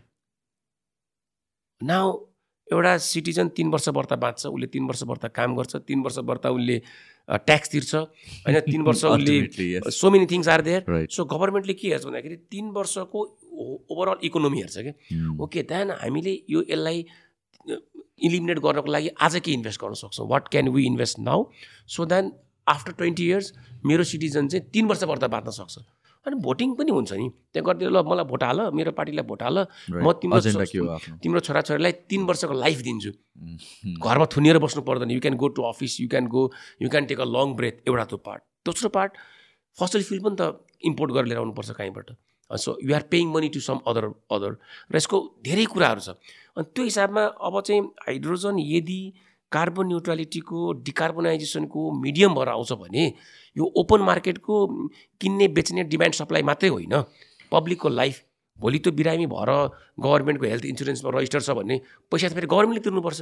सो साठी वर्षको बिरामीलाई आस्थामा भएर तिन महिना हस्पिटल राख्नुपर्ने कस्ट पनि why don't you bring it down to hydrogen right न एन्ड सब्सिडाइज गरिदियो उसलाई। ट्याक्स अलिकति कम गरिदियो। भ्यालु चेनमा सर्टेन सब्सिडिजहरू दियो। जसले गर्दाखेरि त्यो हिडन कस्टहरू फसल फिल्डको अराउन्डको हिडन कस्टहरू मिनिमाइज होस् भन्ने हिसाबमा हाइड्रोजन चाहिँ अलिकति स्पेसल पोलिसीबाट आइरहेको छ। त्यो त्यस त्यसले गर्दाखेरि चाहिँ जनताले पनि अथवा मास एउटा एउटा पब्लिकले पनि तिमीले भोलि हाइड्रोजन कारलाई एडोप्ट गर्दै गयो भने यसले अल्टिमेटली तिम्रो ग्रान्ड सनको लाइफलाई इम्प्याक्ट गर्छ भन्ने किसिमको फिडिङ भइरहेको छ र which is truth which is very true र त्यसले गर्दाखेरि चाहिँ ओपन मार्केटमा एउटा नयाँ टेक्नोलोजीलाई एडप्ट हुनु जति टाइम लाग्थ्यो लाग्छ त्योभन्दा यो फास्ट एडप्ट हुँदै आइरहेको देखाउँछ बाहिरतिर। सो एट दिस पोइन्ट यो अहिले पनि एउटा एक्सपेरिमेन्टेसन हो कि कि यो मास एडप्सनको लागि रेडी भइसक्यो? Are people are more acceptable to know यो मेरो विचारमा एक्सपेरिमेन्टेसनबाट एडप्टेसनको बिचमा पुगेको छ hmm. यो चाहिँ जुन जुन भ्याली अफ डेथ भन्छ नि। राइट भ्याली अफ डेथमा छौँ हामी। म त हामी त हाइड्रोजन टेक्नोलोजी ठ्याक्क त्यहाँ छ। त्यो भ्याली अब कसैले आएर फेरि प्ले गरिदिएर जुन हामीले सब्सिडीको पार्टहरू ढ्याक्क निकालिदिने बित्तिकै यो जान्छ। तर यसलाई फेरि त्यहाँबाट एक पुस गरिदियो भने एन्ड देन यो चाहिँ सोसाइटीमा पर्मानेन्टली एडप्ट भएर बस्छ। So I think it has exactly arrive त्यही भएर सबै पोलिटिसियन्सहरूले यसलाई ब्याक गरेको कारण चाहिँ डेथ भ्यालीबाट बाहिर निकाल्नुपर्छ यसलाई। किनभने अल्टिमेटली यो सस्टेनेबिलिटी अफ प्लानेटमै यो लिङ्क भएको छ। अहिले पनि त संसारमा एक वर्षमा नेपालै किन्ने बराबरको पेट्रोलियमको खरिद बिक्री हुन्छ नि। तर अब तर त्यति पैसा धन कमाए पनि अब त्यसलाई पोलिटिकल्ली त्यो त्यो पेट्रोलियम प्रडक्टबाट निक्लेको इन्कमलाई हाइड्रोजन अथवा एनर्जी ट्रान्जिसनमा कसरी इम्प्लोय गर्ने? ताकि पैसा बनाउने मान्छेले पनि जुन पैसा मैले तेलबाट कमाइरहेको थिएँ अल्टिमेटली मलाई प्रफिटै चाहिने हो। म यताबाट प्रफिट कमाउँछु भन्ने हिसाबलाई पनि उसलाई ब्याकडोर इन्सेन्टिभ उसलाई पनि दिने ब्याकडोर इन्सेन्टिभ उसलाई पनि दिने। र अल्टिमेटली सबै ट्रेड बराबर नै हुन्छ। जति जसले कमाउँथ्यो त्यसले नै कमाउँछ। तर हुन्छ कि? Planet will be greener. And people have a better life त्यो हिसाबमा त्यो मेच्युरिटीमा पोलिटिक्स पुगे जस्तो लाग्छ मलाई which is amazing very nice so global स्केलमा त त्यो मोर एक्सेप्टिङ हुने कुरा भयो नि तर हाम्रोमा चाहिँ कस्तो छ? लाइक तपाईँहरूले गाडी ल्याउने भनेर सोच्दाखेरि पनि लर अफ रिसर्च गयो होला त्यहाँ। बल्ल तल्ल हामीहरूकोमा चाहिँ यहाँ फसल फ्युलले ड्राइभ गरिरहेको भेहिकल्सबाट इलेक्ट्रिसिटीमा सिफ्ट गर्दा पनि there a lot of politics in play होइन? अब त्यहाँ पिपल कतिजनाले लबी गर्छ आफ्नो पर्सनल भेस्टेड इन्ट्रेस्टहरू हुने भयो। यत्रो डेकेट्सदेखिको एउटा जुन जमाएर बसेको छ त्यहाँबाट ब्रेक थ्रु गर्नलाई इलेक्ट्रिकलाई गाह्रो भयो। In terms of hydrogen technology पनि or do you think like we are more acceptable towards that हामी यस्तो यो यस्तो राम्रो टाइममा नेपालमा हामीले हाइड्रोजन पिच गऱ्यौँ नि। इट्स त्यो त्यो पिचिङै राम्रो भयो क्या यो एकदमै। किनभने इलेक्ट्रिक भेहिकल पिच हुँदाखेरि I I understand two thousand फाइभमा फाइभदेखि पिच भएको। जुन बेलामा ठ्याक्क लोड सेडिङ बढ्दै थियो। अनि पिचिङको फोर्स सबभन्दा हाइएस्ट फोर्स चाहिँ टु थाउजन्ड टेन पछाडि भयो। जुन बेलामा नेपाल अठार घन्टा लोड सेडिङमा छिरिसकेको थियो। स्टेट भयो होइन? पिच गर्ने टाइमिङ मिलेन। ग्लोबलमा के भयो भन्दाखेरि बाहिरतिर चाहिँ त्यो प्रब्लम थिएन। उनीहरू चाहिँ किनभने इलेक्ट्रिसिटीको कस्ट पनि घटाइरहेको थियो सोलरबाट। ब्याट्रीको रिसर्च भइसकेको थियो लिड एसिडबाट लिथियममा गइसकेको थियो कोही सलिड एसिडमा गइसकेको तर हामी नेपालमा कहाँ थियौँ भन्दा सत्र अठार घन्टाको लोड सेडिङतिर भविष्यवाणी भइसकेको थियो होइन? त्यो बेलामा इलेक्ट्रिक भेहिकल पिच भयो क्या त्यसपछि गभर्मेन्ट पनि अब अलि अलिकति बत्ती बाल्न यहाँ बिजुली छैन गाडी कुदाउने किन बरु बिजुली बचाउँ? अलिअलि पोल्युसन हुन्छ अलिअलि पैसा लाग्छ। Let's do from fossil fuels भन्ने ट्रेन्डमा गभर्मेन्ट गयो होला। तर हामीले हाइड्रोजन पिच कहाँ कहिले गऱ्यौँ? जुन बेलामा कुलमान घिसिङ हाम्रो एनइएको एमडी साहब चाहिँ कोरोनाको बेलामा हाम्रो एउटा मिटिङमा अब हाइड्रो पावर सट्ट लोड सेडिङ पनि सकिसकेको थियो। लोड सेडिङ सकेर अब ठ्याक्क पिकमा पुगेको बेला कोरोना आयो स्याट्टै इन्डस्ट्रीहरू बन्द भयो। अनि सबै हाइड्रो पावरहरू बन्द गर भनेर फोन गर्नु पऱ्यो and then NEA was panic के गर्ने बिजुली? र त्यही बेलामा ट्रेन्ड के आयो भन्दाखेरि जुन बेलामा लोड सेडिङ भएको बेलामा गभर्मेन्टले हाइड्रो पावरमा इन्भेस्टमेन्ट खोल्दा छोडिदियो। ए ब्ल्याक मनी हाल वाइट मनी हाल जुन मनी हाल हाल हाइड्रो पावर बनाऊ भनेर। र पिपिए गर्दाखेरि डिमान्ड सप्लाईको ब्यालेन्सै हेरेन किन गभर्मेन्टले के सोच्यो होला भन्दा सबैले बनाउँछु भन्छ सबैले बनाउँदैन। थर्टी पर्सेन्टले मात्रै बनाउँछ होला भन्ने हो। तर भयो के भन्दाखेरि प्रायः सबैले बनाइदियो। त्यो भएपछि अब अहिले हामी कोरोनाको बेलामा के भयो भन्दाखेरि सबैले हाइड्रो पावर ठ्याक्कै बनाइ बनाउँदै गरेको बेलामा हाम्रो डिमान्ड घट्यो। र आजको फोरकास्ट आज हेर्नुहोस् पाँच सय मेगावाट दसैँमा इलेक्ट्रिसिटी दसैँदेखि एभ्री नाइट पाँच सय मेगावाट बिजुली अहिले खेर गएको छ। अझै तिन चार हजार मेगावाट डाउन द लाइन हामीसँग ऊ छ। र अर्को साइडमा ग्लोबल्ली पेट्रोलियम प्रडक्टको प्राइस वात्त बढेर गयो। अस्तिसम्म एक सय बिसमा हालेको पेट्रोल अहिले एक सय अस्सीमा भेट्दैन। Number one number two petroleum product र इम्पोर्टेड एनर्जीको डिपेन्डेन्सी चाहिँ थ्रेट हो नेसनल सेक्युरिटी थ्रेट हो भन्ने कुरा युक्रेन वारमा पनि देखियो होइन? सेकेन्ड कुरा. थर्ड कुरा हाम्रो देशको ट्वेन्टी पर्सेन्ट जति बजेट एमाउन्ट भने चार खर्ब रुपियाँ। लास्ट इयर हाम्रो सत्र खर्बको बजेट थियो होइन? सत्र खर्बको बजेट थियो पेट्रोलियम इम्पोर्ट चार खर्बको छ। अब सत्र खर्बको बजेटमा चार खर्बको पैसा त्यो पनि डलर बनेर जाँदैछ बाहिर। सो सबै पैसा त बाहिर जाने रहेछ। त्यसलाई कसरी रोक्ने? भनेको मतलब हामीसँग भएको र हामीले प्रयोग गर्न नसकेको बिजुली र हामीसँग नभएको र किनिँदा किन्दा गरिब भएको पेट्रोलियमको बिचमा ब्यालेन्स कसरी गराउने भन्ने हिसाबमा हामीले ठ्याक्क हाइड्रोजन पिच भयो त्यो बेलामा। And then it was it got attention र सबै र त्यही हिसाबमा आई थिङ्क रेसिस्टेन्स कम भयो र हामीले यति छिटो यति सानो समयमा हाइड्रोजन कार रिफिलिङ स्टेसन लिएर आउन सक्यो। नभए त गभर्मेन्टले नचाहेको भए त कस्टम पनि किनभने आज हाइड्रोजन कारलाई त नेपाल गभर्मेन्टको लले चिन्दैन। कस्टममा कुनै प्रबन्ध छैन। हाइड्रोजन फ्युलको रूपमा क्याटेगोराइज भएको छैन। नम्बर प्लेट दिने व्यवस्था छैन। हाइड्रोजन सम्बन्धी कुनै नेसनल पोलिसी छैन। त्यति हुँदा पनि गभर्मेन्टकै डिरेक्ट सपोर्टबाटै यहाँसम्म आएको हो नि त। त्यस कारण आई थिङ्क हामी राम्रो हामीलाई राम्रो पिचिङ टाइम राम्रो पऱ्यो भनौँ। एउटा प्रब्लमेटिक ठाउँ कहाँ हुन्छ भने चाहिँ रिफिलिङ रिफिलिङ स्टेसनहरू कि? मैले अस्ति रिसेन्टली पनि टिकटकमा केमा देखिरहेको थिएँ। वान अफ द इलेक्ट्रिक भेहिकल्सको रिफ्युलिङ स्टेसनमा एकदमै लामो लाइन थियो भने त घन्टौँ लाग्छ यहाँतिर के भन्छ जतिवटा रिफ्युलिङ स्टेसन चाहिने हो किन एट दिस पोइन्ट त solid amount of recharging station solid amount of vehicles त सेल भइसक्यो मार्केटमा आइसक्यो अनि पिपल आर युजिङ टु अब जस जस्तो दसैँ तिहारको बेला जस्तो त people will use it for long ड्राइभरको लागि। सो रिचार्ज त गर्नु पऱ्यो तर रिफ्युल स्टेसनहरू जुन छ रिचार्ज स्टेसनहरू त्यो एनफ भएको छैन कि। एन्ड यो यो टेक्नोलोजीको कुरा गर्दाखेरि त इलेक्ट्रिक भेहिकल्सहरू त यो त हामीले अघि कुराहरू गरे जस्तो अलिकति लङ टाइमदेखि छ। त्यही पनि इन्फ्रास्ट्रक्चर्स पुगेको छैन भनेर भनेपछि when we are talking about hydrogen powered vehicles यसको रिफिलिङ स्टेसन अगेन रिचार्ज स्टेसनहरू त्यसलाई चाहिँ कसरी हामीहरूले चाहिँ गर्न सक्छौँ? सरी किनभने कुरा के आयो भनेपछि दुईवटा टेक्नोलोजीमा अब इन्भेस्टमेन्ट या भन्छ रिसोर्सेस स्प्रेड आउट भयो नि त। यहाँ पनि पुग्यो नि यहाँ पनि नपुग्ने होला कि भन्ने कुरा। त्यो कुराहरू पनि कन्सिडर गर्नुभएको छ। यस हामीले त्यो पनि हामीले हेर्दाखेरि नेपालको दुईवटा पार्ट छ रिचार्जिङ स्टेसनमा चाहिँ एउटा ग्रिडको क्वालिटी र. ग्रिडको रिलाइबिलिटी अब रिचार्जिङ स्टेसनमा लाइन छैन तपाईँ गाडी लिएर जानुभयो फर सर्टेन रिजन लाइन गयो। हो। अब डिजल बालेर दिने कुरा पनि भएन त्यहाँ होइन? तर बाहिरको ग्रिडमा जस्तो युरोपियन ग्रिडमा पावर रिचार्जिङ स्टेसनमा एटलिस्ट पावर कटको नो बडी क्यान इमेजिन. अब हाम्रो मुलकोटमा पाँच मेगावाटको हामीले रिचार्जिङ स्टेसन लगाउने भनेर प्लान भइरहेको छ। हामी कहाँ उहाँहरू आउनुभयो तर मुलकोट एरिया भने कहिले पानी पर्छ कहिले त्यो फ्लड एरिया हो। सो झ्याटा लाइन गयो भने त पाँच मेगावाट त्यहाँ रिचार्जिङ स्टेसन छ भनेर पचासवटा गाडी गयो पचासवटा गाडी स्ट्यान्डर्ड हुन्छ। त्यस कारण that is the most difficult एउटा इन्भेस्टमेन्ट क्यापिटल इन्भेस्टमेन्ट पनि महँगो छ। एउटा रिचार्जिङ स्टेसन एक करोडभन्दा माथि पर्छ होइन। सो त्यो पार्ट छ। तर त्यो पैसाभन्दा पनि रिलायबिलिटी इज मोर च्यालेन्जिङ जस्तो लाग्छ मलाई एउटा रिचार्जिङ स्टेसनमा। हाइड्रोजनमा पनि त्यो प्रब्लम आउँछ इन्भेस्टमेन्ट पनि प्रब्लम हो तर रिलायबिलिटीको टर्म्समा प्रब्लम अलिक कम हुन्छ।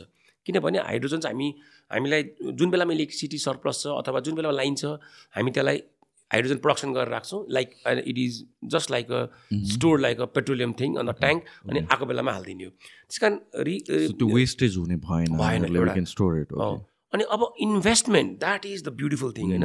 अब इन्भेस्टमेन्ट कुन टर्म्स एन्ड कन्डिसनमा आउँछ?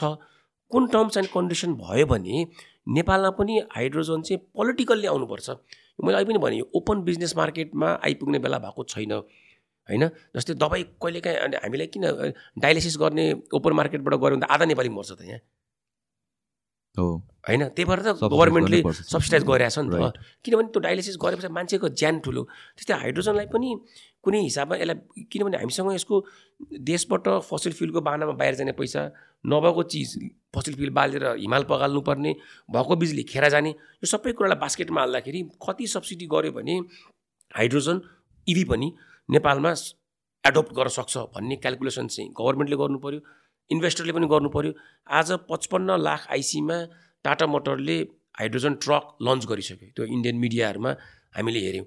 अब त्यो ट्रक नेपालमा त आउला। किनभने नेपालमा अलमोस्ट एटी नाइन्टी पर्सेन्ट ट्रकहरू टाटाकै छ। र ट्रकलाई पनि डिकार्बनाइज त गर्नु पर्ला। तर त्यसलाई चाहिने रिफिलिङ स्टेसन र हाइड्रोजन चाहिँ उतैबाट नआओस्। हामी कसरी बनाउने? त्यो त हामीले वर्कआउट गर्नु पऱ्यो किन ओपन मार्केटमा त ट्रक त आउँछ आउँछ। जसरी भए पनि उनीहरू छिर्छ र यहाँ हाइड्रोजन स्टेसन पनि बनाउँछ केही भएन भने। त्यो त्यस कारण त्यो वर्कआउट हामीले गर्नु पऱ्यो होइन? त्यो technology technically it's feasible practically it's possible तर बिजनेस ड्राइभ गर्न त्यहाँ so many indicators taxation policy subsidy त्यो सबैको लेखाजोखा चाहिँ आई थिङ्क अलिक हाई लेभल स्टडीबाटै हुनुपर्छ होला। तर हामीले देखाउँदाखेरि त्यो स्टडीको इन्डिकेटर्सहरू चाहिँ हामीले लेखिदिएको छ। हामीले नेपालमा हाइड्रोजन रिफिलिङ स्टेसनलाई कमर्सियल्ली भाइबल गर्न four rupees per kilowatt आवरमा बिजुली दियो भने त्यो भाइबल हुनसक्छ भन्ने कुरा थम रुलबाट हामीले देखाइदिएको छ।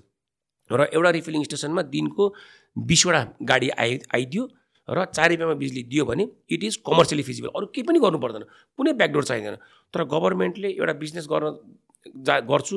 मलाई चार रुपियाँमा बिजुली दिने हो भने बाँकी काम म गर्छु भनेर गयो भने उसलाई लाइसेन्स गभर्मेन्टले कुन टर्म्स एन्ड कन्डिसनमा दिने दिने कि नदिने? होइन चार रुपियाँमा त बिजुली इन्डियाले किनिरहेको छ तिमीलाई किनिदिने भनिदियो भने तिमीले किन्ने हो भने चाहिँ दस रुपियाँ किन्नुपर्छ। बेच्ने हो भने चार रुपियाँमा बेच्ने भन्ने टर्म्स एन्ड कन्डिसनमा हामी बस्यो भने त कहिले पनि फिजिबल हुँदैन।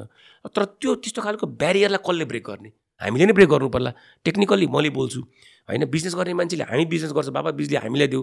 किन तेल किन्छौँ? हामी आफै हाइड्रोजनमा भ्यालु चेनमा जाउँ भन्नु पऱ्यो र पोलिटिकलले पनि त्यो कुरा सेन्सिटिभली बुझ्नु पऱ्यो त्यो कुराहरू। र भोलि एउटा जेनरल सिटिजनले पोलिटिसियनहरू भोट माग्न आउँदाखेरि ए तिम्रो तेल किनेर ल्याउँछ बरु why don't you institutionalize this EV and hydrogen अनि मात्रै हामी तिमीलाई भोट माग्न आऊ। तिम्रो खोइ घोषणा पत्रमा लेख। हाम्रो सबै पैसा जति तेल किन्नमा सकिसकेको छ भन्ने कुरा यो सबै एउटा इकोसिस्टमबाट आयो भने मात्रै इन्स्टिट्युसनलाइज हुन्छ। होइन भने त हामी यसबाट बाहिर निस्किने कार्य देख्छौँ मैले सो स्पेसिफिकली यो हाम्रो ठ्याक्क केयुकै प्रोजेक्टतिर एकचोटि डिस्कस गरौँ। सो यो होल हाइड्रोजन कार ल्याउने प्रोजेक्ट कहाँबाट इनिसिएट भयो र एक्ज्याक्टली यो कार चाहिँ हो कि? त्यसको बारेमा एकचोटि कुरा भेरी नाइस हामीले अल्टिमेटली म मेरो पिएचडी हाइड्रो पावरमा. हो। सो मेरो entire life twenty two years भयो मैले रिसर्च गर्न थालेको। मैले हाइड्रो पावरमा गरेँ र मेरो मेरो टिमको ड्रिम भनेको नेपालमा हाइड्रो पावरको हर्ट जुन टर्बाइन हुन्छ जुन जसले एनर्जी कन्भर्ट गर्छ वाटरबाट मेकानिकलमा त्यो नेपालमै बन्नुपर्छ नेपालमा चल्नुपर्छ भनेर हामीले काम गऱ्यौँ र त्यो टु सम एक्सटेन्ट हामीले काम गर्दाखेरि भएन। नेपालमा मतलब त्यो चलेन सके सकेनौँ हामीले। तर त्यो हाइड्रो पावरमा काम गर्दै गर्दा ठ्याक्कै अब त बिजुली सरप्लस भयो। हामीलाई चाहिन छोड्यो बिजुली भने पछाडि त अब क्युमा हामीले हाइड्रो पावर किन पढाउने? क्युमा हाइड्रो पावर किन पढ्न आउने? किन नेपालमा हाइड्रो पावरकै फ्युचर हाइड्रो पावरकै लगानी सुरक्षित छैन भन्ने किसिमको सिनारियो भ्याट कोरोनामा आयो। किन छैन भन्दाखेरि सबै एनर्जी सेक्टरमा हामीले केलाएर हेऱ्यौँ आजको दिनमा तपाईँले हेर्नुभयो भने हाइड्रो पावर नेपालको प्राइमेरी एनर्जी सोर्स हो तर नेपालको प्राइमेरी एनर्जी कन्जम्सनमा हाइड्रो पावरको स्टेक फोर फाइभ पर्सेन्ट मात्रै छ। कोइला सारा संसारले रिजेक्ट गरिरहेको छ कोइलाको स्टेक टेन पर्सेन्ट पुग्न आँट्यो। सो कोइला कहीँ पनि देख्दैन न कोइला मिन मन्त्री छ न कोइला त्यहाँ सचिव छ हाइड्रो पावरको त मन्त्री छ ऊर्जा मन्त्री सबै सचिव तर हाइड्रो पावरले नेसनल एनर्जी सिस्टममा it's contributing four to five percent koila is contributing ten and it is increasing petroleum is contributing almost thirty percent so अब हामीले ओहो हाइड्रो पावर चाहिँ खेर जाने फाइभ फाइभ पर्सेन्टमा लिमिट भएर अनि थर्टी पर्सेन्ट चाहिँ फसल फिल्डमा आउने। How can we connect this what the world is doing हामी त रिसर्च गर्ने इन्ट्रेस्ट भयो। एन्ड देन कोरोनामा अलिकति हामीसँग टाइम पनि भयो। अनि हेर्दाखेरि त ओ my god it was kind of encounter होइन जर्मनीहरू युरोपहरू धेरै उनीहरूले यो कुरा पहिले नै आइडेन्टिफाई गरेर हाइड्रोजनलाई चाहिँ ब्रिजिङ मिडियम फसल फ्युलबाट बाहिर निस्किने पर्टिकुलरली एन्ड देन वी त्यसले हामीलाई छोयो। त्यस कारण हामीले दुईवटा संस्था देख्यौँ नेपालमा। एउटा बिजनेस धेरै गरेर गरिब हुँदै गरेको त्यो बेलाको नेपाल आइल निगम। जति तेल बेच्यो त्यति गरिब हुने। जति ग्यास बेच्यो त्यति गरिब हुने। किन? एक ग्यास एउटा सिलिन्डरमा आठ सय रुपियाँको सब्सिडी दिएको छ तपाईँले दुइटा किनिदियो भने सोह्र सय रुपियाँ घाटा लागिहाल्यो होइन? अर्को संस्था बेच्न नसकेर गरिब हुने। एनइए। बिजुली छ बेच्न सकेको छैन पाँच सय मेगावाट खा खेरा गयो तिन सय मेगावाट खेरा गयो त्यहाँदेखि यसलाई कसरी जोड्ने? भन्दाखेरि then we found hydrogen as a as a medium and then त्यहाँबाट हामीले पुस गरेर नेपाल ओइल कर्पोरेसनलाई हामीले गएर के भन्यौँ भने नेपाल ओइल कर्पोरेसन कहिलेसम्म पेट्रोलियम इम्पोर्ट गर्ने र डिस्ट्रिब्युट गर्ने कम्पनीको रूपमा बच्ने? कुनै दिन पेट्रोलियम सकिन्छ नसके पनि फोर्सफुल्ली स्टप हुन्छ। And what will Nepal oil corporation do so don't you want to be a fuel producer and fuel exporting company भन्दाखेरि how can we do that okay interest त भयो। अन्त हामीले त्यतिखेर राइटफुल तरिका फेरि पिचिङ राम्रो भयो त्यहाँ पनि। त्यहाँ पनि हाम्रो एनओसीको बोर्ड मिटिङमा हामीलाई थर्टी मिनट्स बोल्न दियो। किनभने future of Nepal oil corporation as fuel producing and exporting company भनेर मैले टाइटल पाएँ. And then I present to the board and hydrogen हुनसक्छ। त्यस कारण नेपालमा हाइड्रोजनको त्यतिखेर बस पनि थिएन। त्यस कारण नेपालमा हाइड्रोजनको बिजनेस इन्भाइरोमेन्ट के हुनसक्छ पोलिसी रिक्वायरमेन्ट के हुनसक्छ र एउटा ट्रान्सपोर्ट सेक्टरमा पाइलोटिङ गरेर हामी देखाइदिन्छौँ।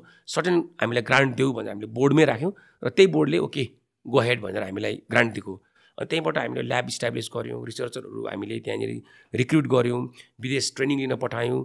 एन्ड देन यो प्रोजेक्ट पनि त्यही सब ग्रान्टको वान अफ द कम्पोनेन्ट चाहिँ हामीले रिफिलिङ स्टेसन आफै डिजाइन गऱ्यौँ कोरियामा गएर त्यसलाई एसेम्बल गऱ्यौँ। हाइड्रोजन कार चाहिँ हामीले आफूले डिजाइन गरेकोलाई प्रडक्सन गर्न च्यालेन्जिङ भएको हुनाले नेक्स्टको कार लिएर आयौँ। सो एनओसीकै ब्याकअपबाट यहाँसम्म आएको ताकि एनओसीले भोलि फसल फ्युलको रिप्लेसमेन्टमा हाइड्रोजन फ्युल चाहिँ हाम्रो बिजनेस सेक्टर हो। भनेर देखोस् र एनइएले बिजुली एक्सपोर्ट गर्नुभन्दा डोमेस्टिक कन्जम्सन थ्रु पेट्रोलियमको रिप्लेसमेन्ट किनभने चार पर्सेन्ट बिजुली सप्लाई गर्दाखेरि त हाइड्रो पावर यति धेरै छ भने थर्टी पर्सेन्ट फसल फ्युललाई रिप्लेस गऱ्यो भने त जति हाइड्रो पावर बनाए पनि पुग्दैन नेपालमा। अनि त्यसले क्रिएट गर्ने सर्कुलर इकोनोमी पैसा यहीँ घुम्यो। चार खर्बबाट हामीले दुई खर्ब मात्रै बचायो भने दुई खर्बले कति बाटो बनाउने कति हस्पिटल बनाउने र लोकल ट्याक्स पनि त आउँछ नि बिकज त्यो पैसा त भित्रै घुम्छ। अहिले सर्लक्क डलर भएर जान्छ। सो त्यो हिसाबमा हामीले एनइएलाई पनि र एनओसीलाई पनि दुइटै साइडलाई कन्भिन्स गरेर एउटा टेबलमा लिएर आउन सफल भयौँ र गभर्मेन्टलाई पनि यही कुरा गरेर भन्यौँ। दुइटा गभर्मेन्टको दुइटै संस्था गभर्मेन्टको हो। बेच्न नसकेर गरिब भएको र धेरै बेचेर गरिब भएकोलाई जोड्नुहोस् त्यसलाई जोड्ने कसले? पोलिसीले जोड्ने हो। त्यस कारण गभर्मेन्ट पनि कन्भिन्स भयो। र त्यो हिसाबमा हामी यहाँसम्म आइपुग्यो सो तपाईँहरू ल्याउनु भएको स्पेसिफिक कार चाहिँ के हो? कुन मोडल हो कस्तो हो? यो हुन्डाई नेक्सो हामीले चाहिँ अब जस्तै अहिले अहिलेको top notch car European car चाहिँ बिएमडब्ल्यूको छ होइन। त्यो चाहिँ टु थाउजन्ड किलोमिटर पर रिफिलिङमा जान्छ एक रिफिलिङमा। सेकेन्ड नच एसियन कार चाहिँ टोयोटा मिराई हो। जसले सिक्स पोइन्ट फाइभ किलोग्राम हालेर थर्टिन हन्ड्रेड किलोमिटर जान्छ। त्यो चाहिँ they are fifty five thousand डलर्सको रेन्जमा पर्छ। अब हामीले चाहिँ अब किनभने पाइलोटिङ गर्ने हो बजेट नेपालको हाम्रो युनिभर्सिटीको बजेट पनि हेर्नु पऱ्यो फन्डिङ एजेन्सीको बजेटमा हामीले चाहिँ हुन्डाईको नेक्सो चाहिँ हाम्रो रेन्जमा थर्टी फाइभ थाउजन्ड डलरमा हामीले पायौँ होइन? अलिकति हामी थोरै चलेको कार थियो एन्ड देन हामीले त्यस- त्यसको किन चलेको पछाडि त्यसको डेटाहरू पनि कति चल्यो के के मेन्टेनेन्स प्रब्लम भयो त्यो डेटा पनि लियौँ हामीले अनि थर्टी थ्री थाउजन्ड डलरमा हामीले कोरियामा पायौँ एन्ड देन त्यही कार लिएर आयौँ त्यो चाहिँ हामीसँग अहिले सिक्स किलोग्रामको ट्याङ्क छ।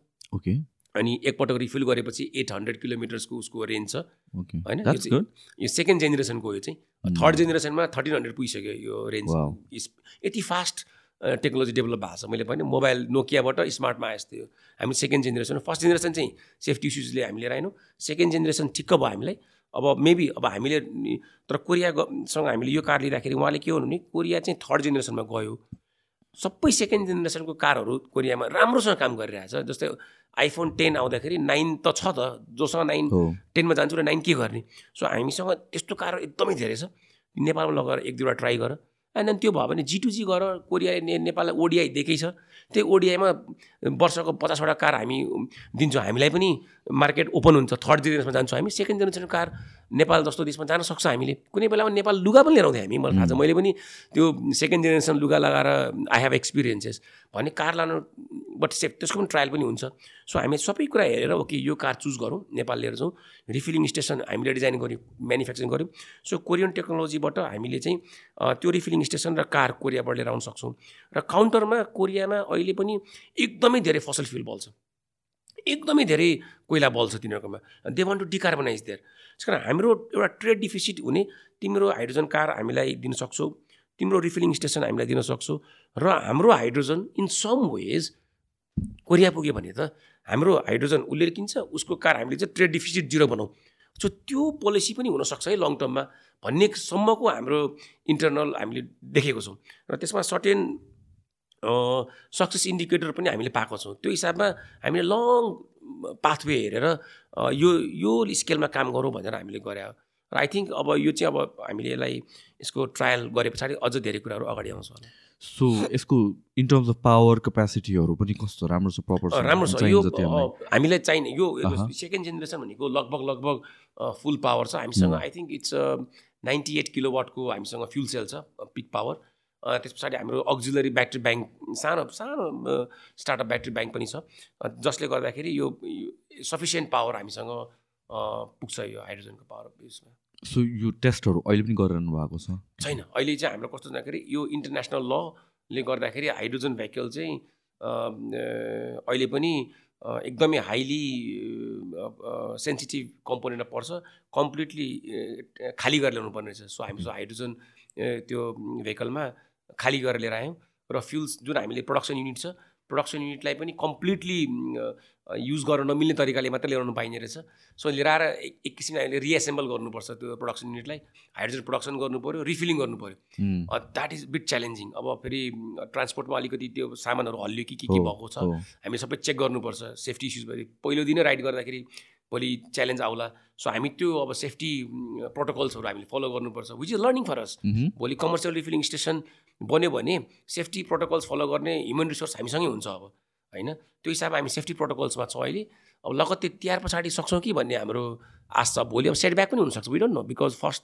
पहिलोपल्ट भोलि फ्याट एउटा सेन्सर उड्देला भोलि एउटा एउटा भ्याल पड्किदेला एन्ड देन यो त लर्निङ हो। त्यही भएर पहिलो यस्तो काम युनिभर्सिटीभित्र गर्नुपर्छ where we are happy to do mistakes and to learn from it भन्ने हिसाबमा अब हाम्रो टार्गेट चाहिँ तिहार पछाडि छ टेस्ट सुरु गर्ने.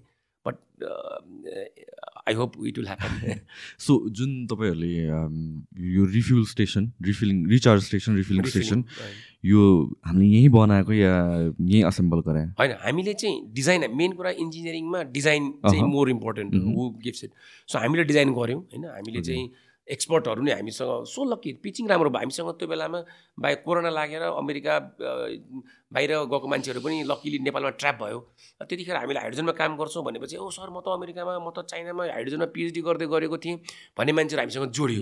And then we work together अनि उनीहरूको थ्रुबाट उनीहरूको प्रोफेसर हामीसँग जोडियो। सो हामीसँग वर्ल्ड इन्टरनेसनल इन्टेलेक्चुअल टिम भयो। र यो चाहिँ अब त्यसमा चाहिँ क्लाइमेट इस्युजमा हाइड्रोजन आएको हुनाले सबै नेपाल जस्तो देशमा हाइड्रोजनमा काम भइरहेछ।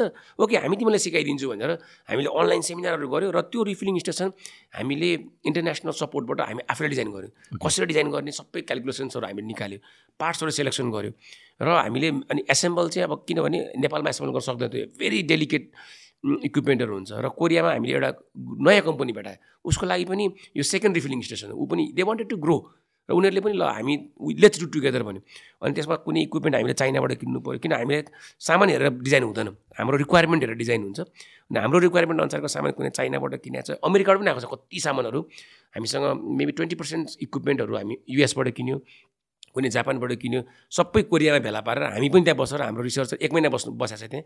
एक महिना बसेर हाम्रै अगाडि सबै फिटिङ गरेर चलाएर टेस्ट गरेर ओके यसलाई प्याक गरेर अनि नेपाल पठाएको। So we have that experience र हामीसँग त्यसलाई स्केल गर्यो। यो त सानो एउटा गाडीलाई मात्रै ट्रायलको रूपमा भर्नको लागि लिएर आएको पाँच किलो वाटको जम्मा सिस्टम छ हामीसँग होइन? तर यसलाई चाहिँ हामीले पचास किलो वाट सय किलो वाटको सिस्टममा स्केल अप गर्नु पऱ्यो भने पनि अर्को रिसर्चरलाई हामीले फेरि कोरिया एउटा रिसर्चर कोरिया गयो अर्को रिसर्चर जर्मनी पठायो हामीले।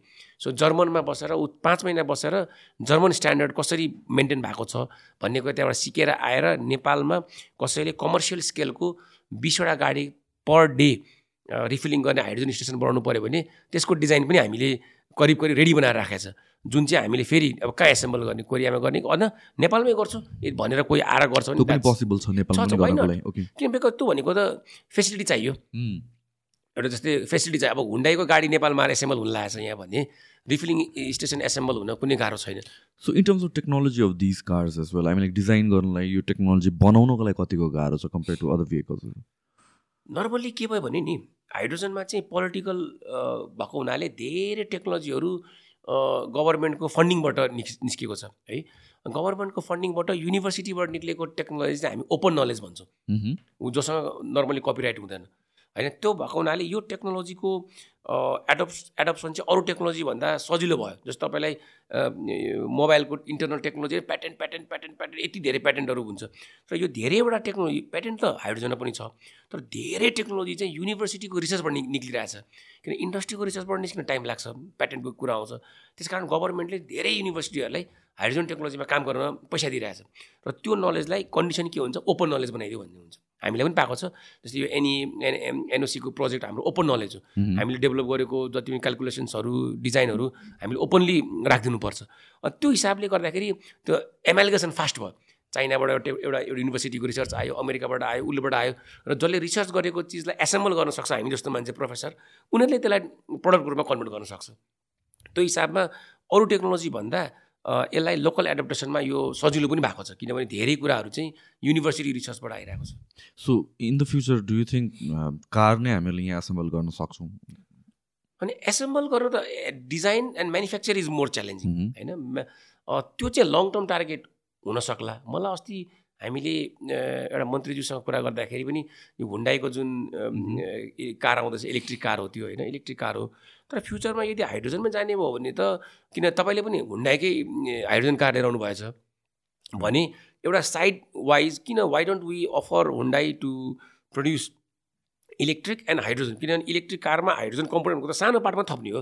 मोटर त्यही हो सबै थोक त्यही एभ्रिथिङ इज सेम ब्याट्रीको ठाउँमा फ्युल सेल र रिफिलिङ स्टेसन हाल्ने हो होइन? के अरे फ्युल सेल र ट्याङ्क हाल्ने हो। त्यो हिसाबमा हामीले भनौँ कि क्या हो भनेर मलाई सोध्नु पनि भएको थियो भने मैले भनौँ न ट्राई गरौँ। नेपाल त राम्रो हुन्छ भोलि त्यो कार त हामी यहाँबाट एक्सपोर्ट पनि गर्न सकौँला यदि हामी सस्तो बनाउन सक्यो भने। भन्ने हिसाब त्यो हिसाबमा एसेम्बल गर्न कुनै पनि गाह्रो छैन।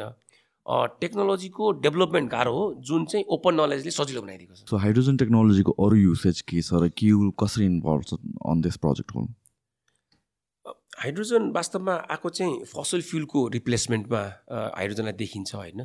त्यस कारण फसिल फ्युल कहाँ कहाँ युज हुन्छ भन्ने कुरा चाहिँ मोर इम्पोर्टेन्ट भयो फर्स्टमै बुझौँ होइन? फसिल फ्युल हामीले हेर्दाखेरि ट्रान्सपोर्ट नेपालमा चाहिँ ट्रान्सपोर्टमा देखिन्छ। तर त्योभन्दा पनि बढ्ता फसिल फ्युल चाहिँ इन्डस्ट्रियल हिट एप्लिकेसन्समा युज हुन्छ होइन? र मेरिन सेक्टरमा युज हुन्छ। सङ्घाईदेखि साउथ अफ्रिका जुन पानी जहाज जान्छ everything is driven by fossil fuels आकाशमा युज हुन्छ। All the airplanes are using fossil fuels होइन? त्यो एउटा पाटो भयो। अर्को चाहिँ इन्डस्ट्रियल प्रोसेसमा युज हुन्छ फसल फ्युल्सहरू फर इक्जाम्पल हामीले जुन फर्टिलाइजरहरू मल पाउँछौँ एभ्रिथिङ अल सबै चाहिँ natural gas is the main component हामीले जुन आइरन स्टिल प्र युज गर्छौँ संसारमा सबैभन्दा धेरै pollution eleven percent of global emission is coming from steel industry sector eleven percent alone त्यस कारण जति पनि संसारमा आइरन प्रोसेस हुन्छ त्यसमा कार्बन फुटप्रिन्ट हुन्छ eleven percent emissions is coming from that त्यस कारण अब हाइड्रोजनले हेर्ने हो भने सो हाइड्रोजनलाई हामीले चार किसिमले हेर्छौँ। एउटा चाहिँ transport road transport air transport marine transport त्यस्तै गरेर अर्को चाहिँ इन्डस्ट्रियल हिट एप्लिकेसन्स बर्नर बल्छ त्यहाँनिर कोइलाले आगो बाल्छ सिमेन्ट फ्याक्ट्रीमा कन्ज्युम हुन्छ इटा भट्टामा कन्ज्युम हुन्छ ग्लोबल्ली त्यो भयो। अर्को चाहिँ इन्डस्ट्रियल प्रोसेसमै जान्छ कि? त्यो फलामलाई हामीलाई आइरन ओरलाई आइरन बनाउनु पऱ्यो भने त्यो त्यसलाई रिडक्सन प्रोसेस भन्छ। आइरन ओर भनेको Fe two O three oxygen चाहिँ बाइन्ड भएर बसेको हुन्छ आइरनमा त्यो आइरनबाट त्यो अक्सिजन निकाल्नको लागि युनिट रिडक्टेन्ट जस्तै कार्बन मोनोअक्साइड गयो भने चाहिँ अक्सिजन पक्रेर कार्बन डाइअक्साइड बन्छ।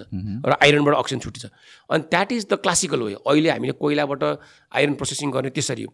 तर त्यसमा हाइड्रोजन पठाइदियो भने के हुन्छ? हाइड्रोजनलाई डाइरेक्टली गएर oxygen पक्र्छ and it becomes water and iron छुट्छ।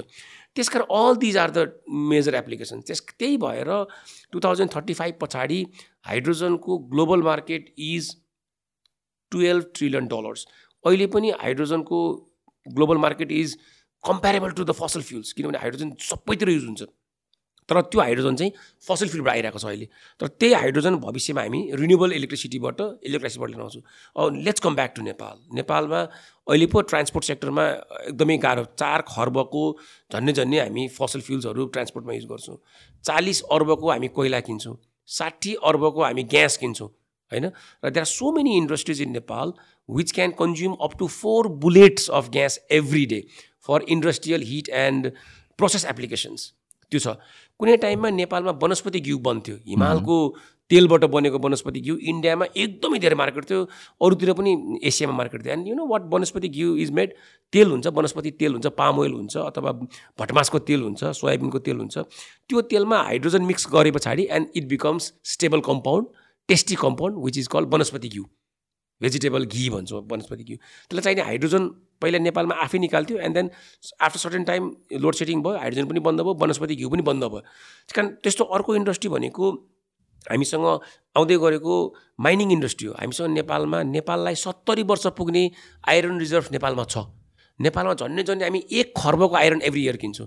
हाइड्रो पावर बनाउनु पऱ्यो फलाम चाहियो घर बनाउनु पऱ्यो फलाम चाहियो र एक किलोग्राम फलाम नेपालमा बन्दैन आजको दिनमा। सबै फलाम किनेर ल्याउनुपर्छ र नेपालमा भेटेको त्यस्तो आइरन रिजर्भ्सहरू पनि भोलि चाहिँ कोइलाबाट बन् प्रशोधन होस् भन्ने व्यापारिक दृष्टिकोण देखिन्छ। किनभने सारा संसारले कोइला रिजेक्ट गर्दैछ। बेलायतले कोइलालाई coal exit programme two thousand twenty four पछाडि बेलायतमा कोइला बाल्न पाइँदैन। You will be jailed if you burn coal not only stop भनेको छैन जेल गर्न पाइन्छ कोइला र पेट्रोलियम प्रडक्ट बेचेर कमाएको पैसालाई ब्ल्याक मनी भन्छ अब युरोपमा। चाँडै नै नियम आउँदैछ। If you are earning through coal and not coal त हाल्नै पाएन। फसिल फ्युल चलाएर इन्कम गऱ्यो भने that is black money and that black मनीको सर्टन पैसा ग्रिन इन्फ्रास्ट्रक्चरमा नहालिकन त्यसलाई शुद्ध भएर वाइट मनी बनाउन पाइँदैन। त्यसरी चाहिँ ग्रिन इन्भेस्टमेन्ट फन्ड्सहरू डेभलप हुँदैछ। र त्यो फन्ड्सहरू नेपाल जस्तो देशमा आउन सक्छ अब। किन हामीलाई ग्रिन इन्फ्रास्ट्रक्चर चाहिएको छ? हामीसँग सत्तरी वर्ष पुग्ने फलाम खानी छ जुन हामी कोइलाले होइन हाइड्रोजनले प्रशोधन गर्न सक्छौँ। हामीसँग पचपन्नवटा सिमेन्ट छ।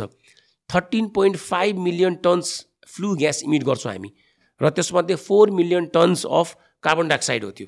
जुन चाहिँ हाइड्रोजनले रिप्लेस गर्न सक्छ युकेमा पनि हाइड्रोजनबाट चल्ने सिमेन्ट इन्डस्ट्री आइसक्यो। किनभने युकेले कोइला बाल्दैन भनेको मतलब कि फलाम प्रशोधन नहुने सिमेन्ट नबन्ने त होइन डेरी नचल्ने त होइन। त्यो they have switched already and switching त्यस कारण नेपालमा यति धेरै केही पनि छैन हामीसँग।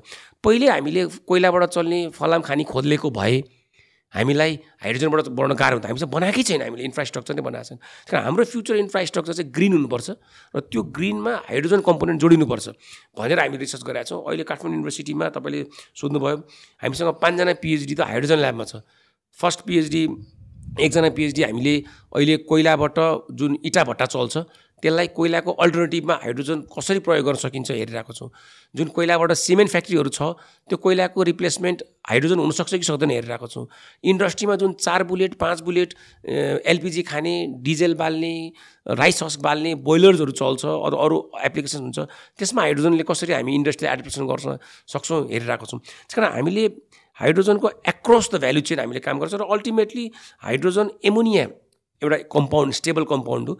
एमोनिया बनेर त्यो एमोनिया चाहिँ युरिया फर्टिलाइजरमा कसरी कन्भर्ट हुन्छ र त्यो एमोनिया फ्युचर एनर्जी ट्रेडको मिन्स कसरी हुनसक्छ? तपाईँ इमेजिन गर्नुहोस् हामीसँग अरुण भ्याली छ त्यहाँनिर बाइस सय तेइस सय मेगावाट हाइड्रो पावर बन्दैछ। त्यो भनेको मतलब सरप्लस इलेक्ट्रिसिटी मात्रै वेट सिजनमा कहिलेकाहीँ हामीसँग हजार मेगावाट हुनसक्छ। त्यो हजार मेगावाट इलेक्ट्रिसिटी हामीले हाइड्रोजनमा कन्भर्ट गरेर एमोनिया बनाएर पाइपलाइन बनायो भने बङ्गलादेश पुऱ्याउन सक्छौँ। अथवा हामीले एटलिस्ट समुद्रमा पुऱ्यायो भने त्यो एमोनिया कोरिया जापान जहाँ पनि पुग्छ। सो त्यो लेभलको हाम्रो टेक्नो इकोनोमिक एसेसमेन्ट पनि हामी हेरिरहेको छौँ ताकि भोलि हामीले दिने फर्स्ट डेटा चाहिँ गभर्मेन्टको लागि पोलिसी र बिजनेसम्यानको लागि चाहिँ बिजनेस केस ब्याङ्केबल प्रोजेक्ट बन्छ कि बन्दैन भन्नको लागि त एउटा अलिकति नल फाउन्डेसन चाहियो नि। त्यस कारण पच्चिसजना बाइस पच्चिसजना रिसर्चरहरू चाहिँ नेपालमा फ्युचरमा हाइड्रोजनलाई बेस मानेर इन्डस्ट्रियल एडाप्टेसन र green growth and economic transformation. नेपालमा दुइटै फिजिबल छ। नेपालको इकोनोमिक ट्रान्सफर्मेसन चाहिँ ग्रिनबाटै हुन्छ र ग्रिनबाटै हुनुपर्छ। Local consumption of green energy in several sector transportation industrial applications and export of green energy not only through wires by electricity trade but through ammonia and hydrogen in the gaseous and liquid forms. यसमा चाहिने foundation नलेजमा हामी काम गर्दैछौँ र we hope यो knowledge चाहिँ बिस्तारै बिस्तारै पोलिसी र टेक्नोलोजी भएर कमर्सियल एप्लिकेसनमा जान्छ।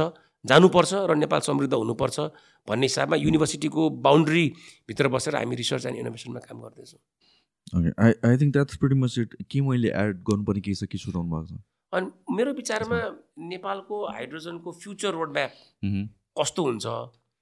त्यो चाहिँ आई थिङ्क र कमर्सियल एप्लिकेसनमा जान चाहने मान्छेहरूले के गर्नुपर्छ? त्यो चाहिँ आई थिङ्क एउटा अहिलेसम्म धेरै डिस्कस नभइसकेको इस्यु हुनसक्छ। सो त्यसमा गर्नुपर्ने चाहिँ के हो अहिले? हामीहरू कहाँ छ त्यो स्टेजमा? त्यसमा चाहिँ हामीले हाम्रै प्रोजेक्टमा हामीले तिनवटा स्टेपमा काम गऱ्यौँ होइन। एउटा एउटा नलेजमा फ्रन्टमा काम गऱ्यौँ एउटा पोलिसी फ्रन्टमा काम गऱ्यौँ र अर्को टेक्नोलोजी एडप्टेसनमा काम गऱ्यौँ होइन। पोलिसीमा सबै हाइड्रोजन चाहिँ पोलिसीले ड्रिभन गराएको छ।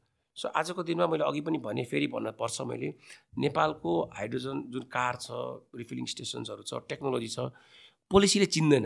नेपालमा कुनै पनि पोलिसीले हाइड्रोजनलाई रिकगनाइज गर्दैन हाइड्रोजन फ्युललाई चिन्दैन हाइड्रोजनको कस्टम हामीलाई थाहा छैन।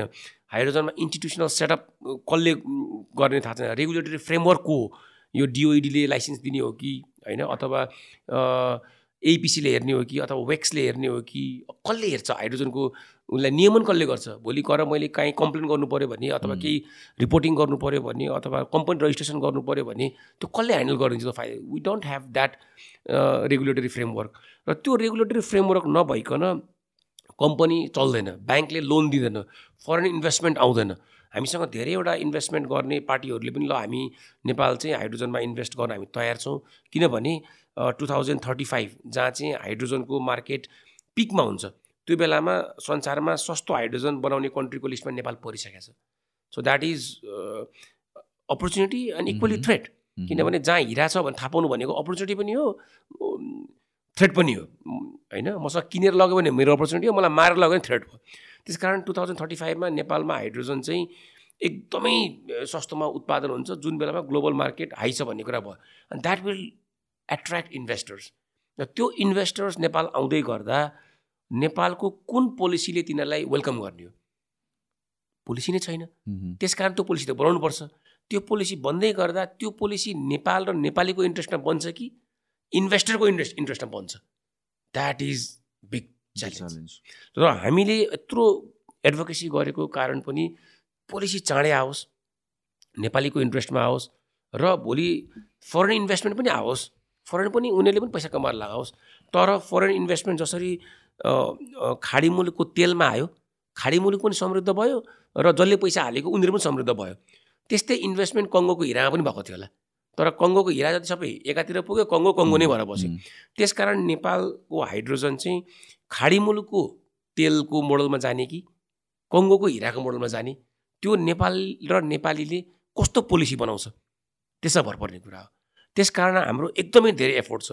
हामीले विगत तिनटै प्राइम मिनिस्टरलाई भेटेर पनि यसरी नै भन्यो यही ल्याङ्ग्वेजमा भनेको हामी युनिभर्सिटीबाट आएको हामीसँग अब माता सरस्वतीले हामीलाई यति बोल्न प्रेरणा दिएको सर अब अलिकति देशको हितको लागि बोल्न पाऊँ भनेर नै हामीले धेरैपल्ट मन्त्रीज्यूलाई सबै हामीले ऊर्जा मन्त्रीज्यूलाई पनि भन्यौँ। र त्यो हिसाबमा नेपालमा अहिले हाइड्रोजन सम्बन्धी राष्ट्रिय नीतिको खाका बनाउने जिम्मा एउटा विज्ञ समिति बन्यो र त्यसमा हामीलाई पनि अपर्च्युनिटी पायो। हामी आफै बसेर राष्ट्रिय नीतिको ड्राफ्ट बनिसकेको छ र त्यो इन्टरनल रिभ्यू भइसकेको छ र त्यसलाई क्याबिनेटले जारी गर्नुपर्ने हुन्छ। अब हामीले एकदमै राम्रोसँग काम गरेर एउटा राष्ट्रिय नीति बनाएको छौँ। त्यही फर्ममा राष्ट्रिय नीति बन्यो र त्यस त्यसको आधारमा विनियम बन्यो भने धेरै राम्रो हुन्छ। तर राष्ट्रिय नीति बनाउन सकेनौँ अथवा गलत राष्ट्रिय नीति बन्यो र भने नेपाललाई अझ अलिकति अप्ठ्यारो सिस्टममा जान सक्छ कि भन्ने हाम्रो as an academician we don't understand politics we don't understand business a lot तर एउटा यसो हेर्दाखेरि पास्ट नेपालको र अरू कन्ट्रीको पनि फ्युचर डिरेक्सन्सहरू हेर्दाखेरि नेपालमा त्यो पोलिसी ग्याप चाहिँ चाँडै ब्रिज हुनुपर्छ र नेपालको अब पहिला कामदारहरू बाहिर गयो त्यहाँबाट विद्यार्थी बाहिर गयो अब इन्भेस्टर बाहिर जाँदैछ। सो नेपालको इन्भेस्टरहरू नेपालको फ्याक्ट्री दोकान बेचेर इन्भेस्टमेन्ट बरु म अस्ट्रेलियामा गएर तेल बेचेर बस्छु छोरालाई पेट्रोल पम्प खोलिदिन्छु म नेपालमा व्यापार गर्दिनँ भनेर हामी पलायन हुने। ओहो नेपालमा त संसारको सबभन्दा सस्तो हाइड्रोजन बाह्र तेह्र ट्रिलियन डलरको मार्केट सबै पैसा यता लैजाउँ भनेर बाहिरको विदेशको पैसा नेपाल आउने र हामी चाहिँ सबै नेपालबाट न नेपालमा कामदार हुने न नेपालमा पढे लेखेको मान्छे हुने न नेपालमा व्यापारी हुने होइन? र नेपालको एनर्जी मार्केटमा चाहिँ फरेन इन्भेस्टमेन्ट अर्को भेस्टेड इन्ट्रेस्टमा आइदियो भने देश अलिक अप्ठ्यारो सिस्टममा जान सक्छ र इन्डिकेसन्सहरू त्यति पोजिटिभ देखिँदैन अहिलेसम्म पनि आज एकाडेमिकली हेर्दाखेरि मैले अहिले पनि भन्छु। पोजिटिभ देखिँदैन भन्नाले किनभने नेपालमा नेपालबाट सबजना बाहिर गइरहेको छ नि त। त्यो त होइन? अनि अनि मान्छे नेपाल विकास गर्ने नेपालको हितमा काम गर्न सक्ने मान्छेहरू नेपालको रिसोर्स नचिन्ने चिने पनि त्यसलाई अपर्च्युनिटी कन्भर्ट गर्ने पोलिसी नभएको कारणले फ्रस्ट्रेट हुने पपुलेसन बढ्दो छ। होइन? एक। र नेपालमा चाहिँ ओहो धेरै ठुलो ग्लोबल मार्केट नेपालबाट स्टार्ट हुनसक्छ। एट्टी थ्री थाउजन्ड मेगावाटको हामीसँग हाइड्रो पावर होला। होइन? सोलर त्योभन्दा धेरै छ हामीसँग। विन्डको एक्सप्लोरै भएको छैन। सारा संसारमा पेट्रोल डिजेलको मार्केट बन्द हुँदैछ। रिन्युएबल एनर्जीको मार्केट सुरु हुँदैछ। रिन्युएबल एनर्जीलाई एक्सपोर्ट गर्नको लागि हाइड्रोजन एमोनिया भेक्टरको रूपमा डेभलप भइरहेको छ। नर्वेबाट जर्मनीसम्म पाइपलाइनबाट हाइड्रोजन सुरु भइसक्यो हुन लागेको छ। मलेसिया र अस्ट्रेलियाको बिचमा हाइड्रोजन पाइपलाइन बनाउने भनेर सन्धिहरू भइरहेको छ। साउदी अरेबियाबाट हाइड्रोजन निस्किएर कोरिया पुगिसकेको छ। भने ग्लोबल मार्केट त हाइड्रोजन र एमोनियामा डेभलप छ र नेपाल चाहिँ हाइड्रोजन बनाउन सक्ने कन्ट्रीमा one of the cheapest country छ भन्ने कुरा आइसकेको छ। तर हामीलाई त्यो बनाउन पोलिसी चाहिन्छ इन्भेस्टमेन्ट चाहिन्छ टेक्नोलोजी चाहिन्छ र ह्युमन रिसोर्स चाहिन्छ। यो चाँडै हामीसँग छैन अहिले। र र मेनली हाम्रो पपुलेसन चाहिँ बाहिर जाने र बाहिरको टेक्नोलोजी र बाहिरको इन्भेस्टमेन्ट उनीहरूको टर्म्स एन्ड कन्डिसनमा नेपाल छेर्ने भने and then will have difficult condition so हामीले देखेको चाहिँ नेपालीहरूकै हितमा नेपालीहरूले नै मिलेर हाम्रो हाइड्रोजनको पोलिसी बनाउन सक्यौँ र हाइड्रोजन चाहिँ नेपालको ट्रेडेबल कमोडिटी हो। इन्टरनल कन्जम्सन गरेर जुन चार खर्बको हामी पेट्रोलियम कन्जम्सनको सिग्निफिकेन्ट कुरालाई हामी डिस्प्लेस गर्न सक्यौँ र त्योभन्दा पनि बढ्ता एमाउन्टको हाइड्रोजन हामीसँग निस्किन्छ जसलाई हामीले एनर्जी ट्रेड गरेर तारबाट होइन कि ग्यासबाट तारबाट त इन्डिया पुग्ला बङ्गलादेश पुग्ला। हाइड्रोजन ग्यास बनाएर हामीले एक्सपोर्ट गर्न सक्यौँ अथवा एमोनिया बनाएर एक्सपोर्ट गर्न सक्यौँ भने कोरिया जापान पुग्न सक्छ हाम्रो हाम्रो इलेक्ट्रिसिटी। भन्ने डिरेक्सनमा हामी गयो भने देश एउटातिर लाग्छ त्यो रिसोर्स छ हामीसँग त्यो अपर्च्युनिटी छ हामीसँग। तर हामीले पोलिटिकल्ली काम गर्न सकेनौँ र त्यसलाई चिन्न सकेनौँ। अब लुछातानीमै अल्झ्यौँ भने देश बिस्तारै ह्युमन रिसोर्स नलेज इन्भेस्टमेन्टबाट खाली हुने र एनर्जीमा क्याप्चर गर्न अर्को इन्भेस्टमेन्ट बाहिरबाट आउने भयो भने चाहिँ अलिकति झन् अप्ठ्यारो हुन्छ। तर जसरी भ्याली अफ डेथमा हाइड्रोजन छ नेपालको एनर्जी सिस्टम पनि म त्यस्तै त्यस्तैमा देख्छु। त्यही भएर पनि हामीले एटलिस्ट एकाडेमिकल्ली सर्टेन काम गरौँ र एडभोकेसी गरेर यो कुराहरूलाई भनिदिउँ तपाईँलाई अथवा तपाईँलाई नभन्नु कोही एक्स मान्छेलाई दुई वर्ष पछाडि क्यान्सर हुनसक्छ है भनेर आज भनिदियो भने त he will save his life तर क्यान्सर भइसक्यो थर्ड स्टेजमा पुग्यो बा भनिदियो भने त इट्स टु लेट त्यस कारण हामीले देखेको चाहिँ एनर्जी सिस्टमबाट नेपाल समृद्ध हुनलाई हामीसँग अहिले पनि सर्टेन टाइम छ हामीसँग। त्यो लिबर्टी छ। तर त्यहाँ हामीले त्यो टाइममा एक्ट गर्नुपर्छ। पोलिसी बनाएर एक्ट गर्नुपर्छ। इन्भेस्टमेन्टमा हामीले अलिकति दायराहरू खोलिदिनुपर्छ।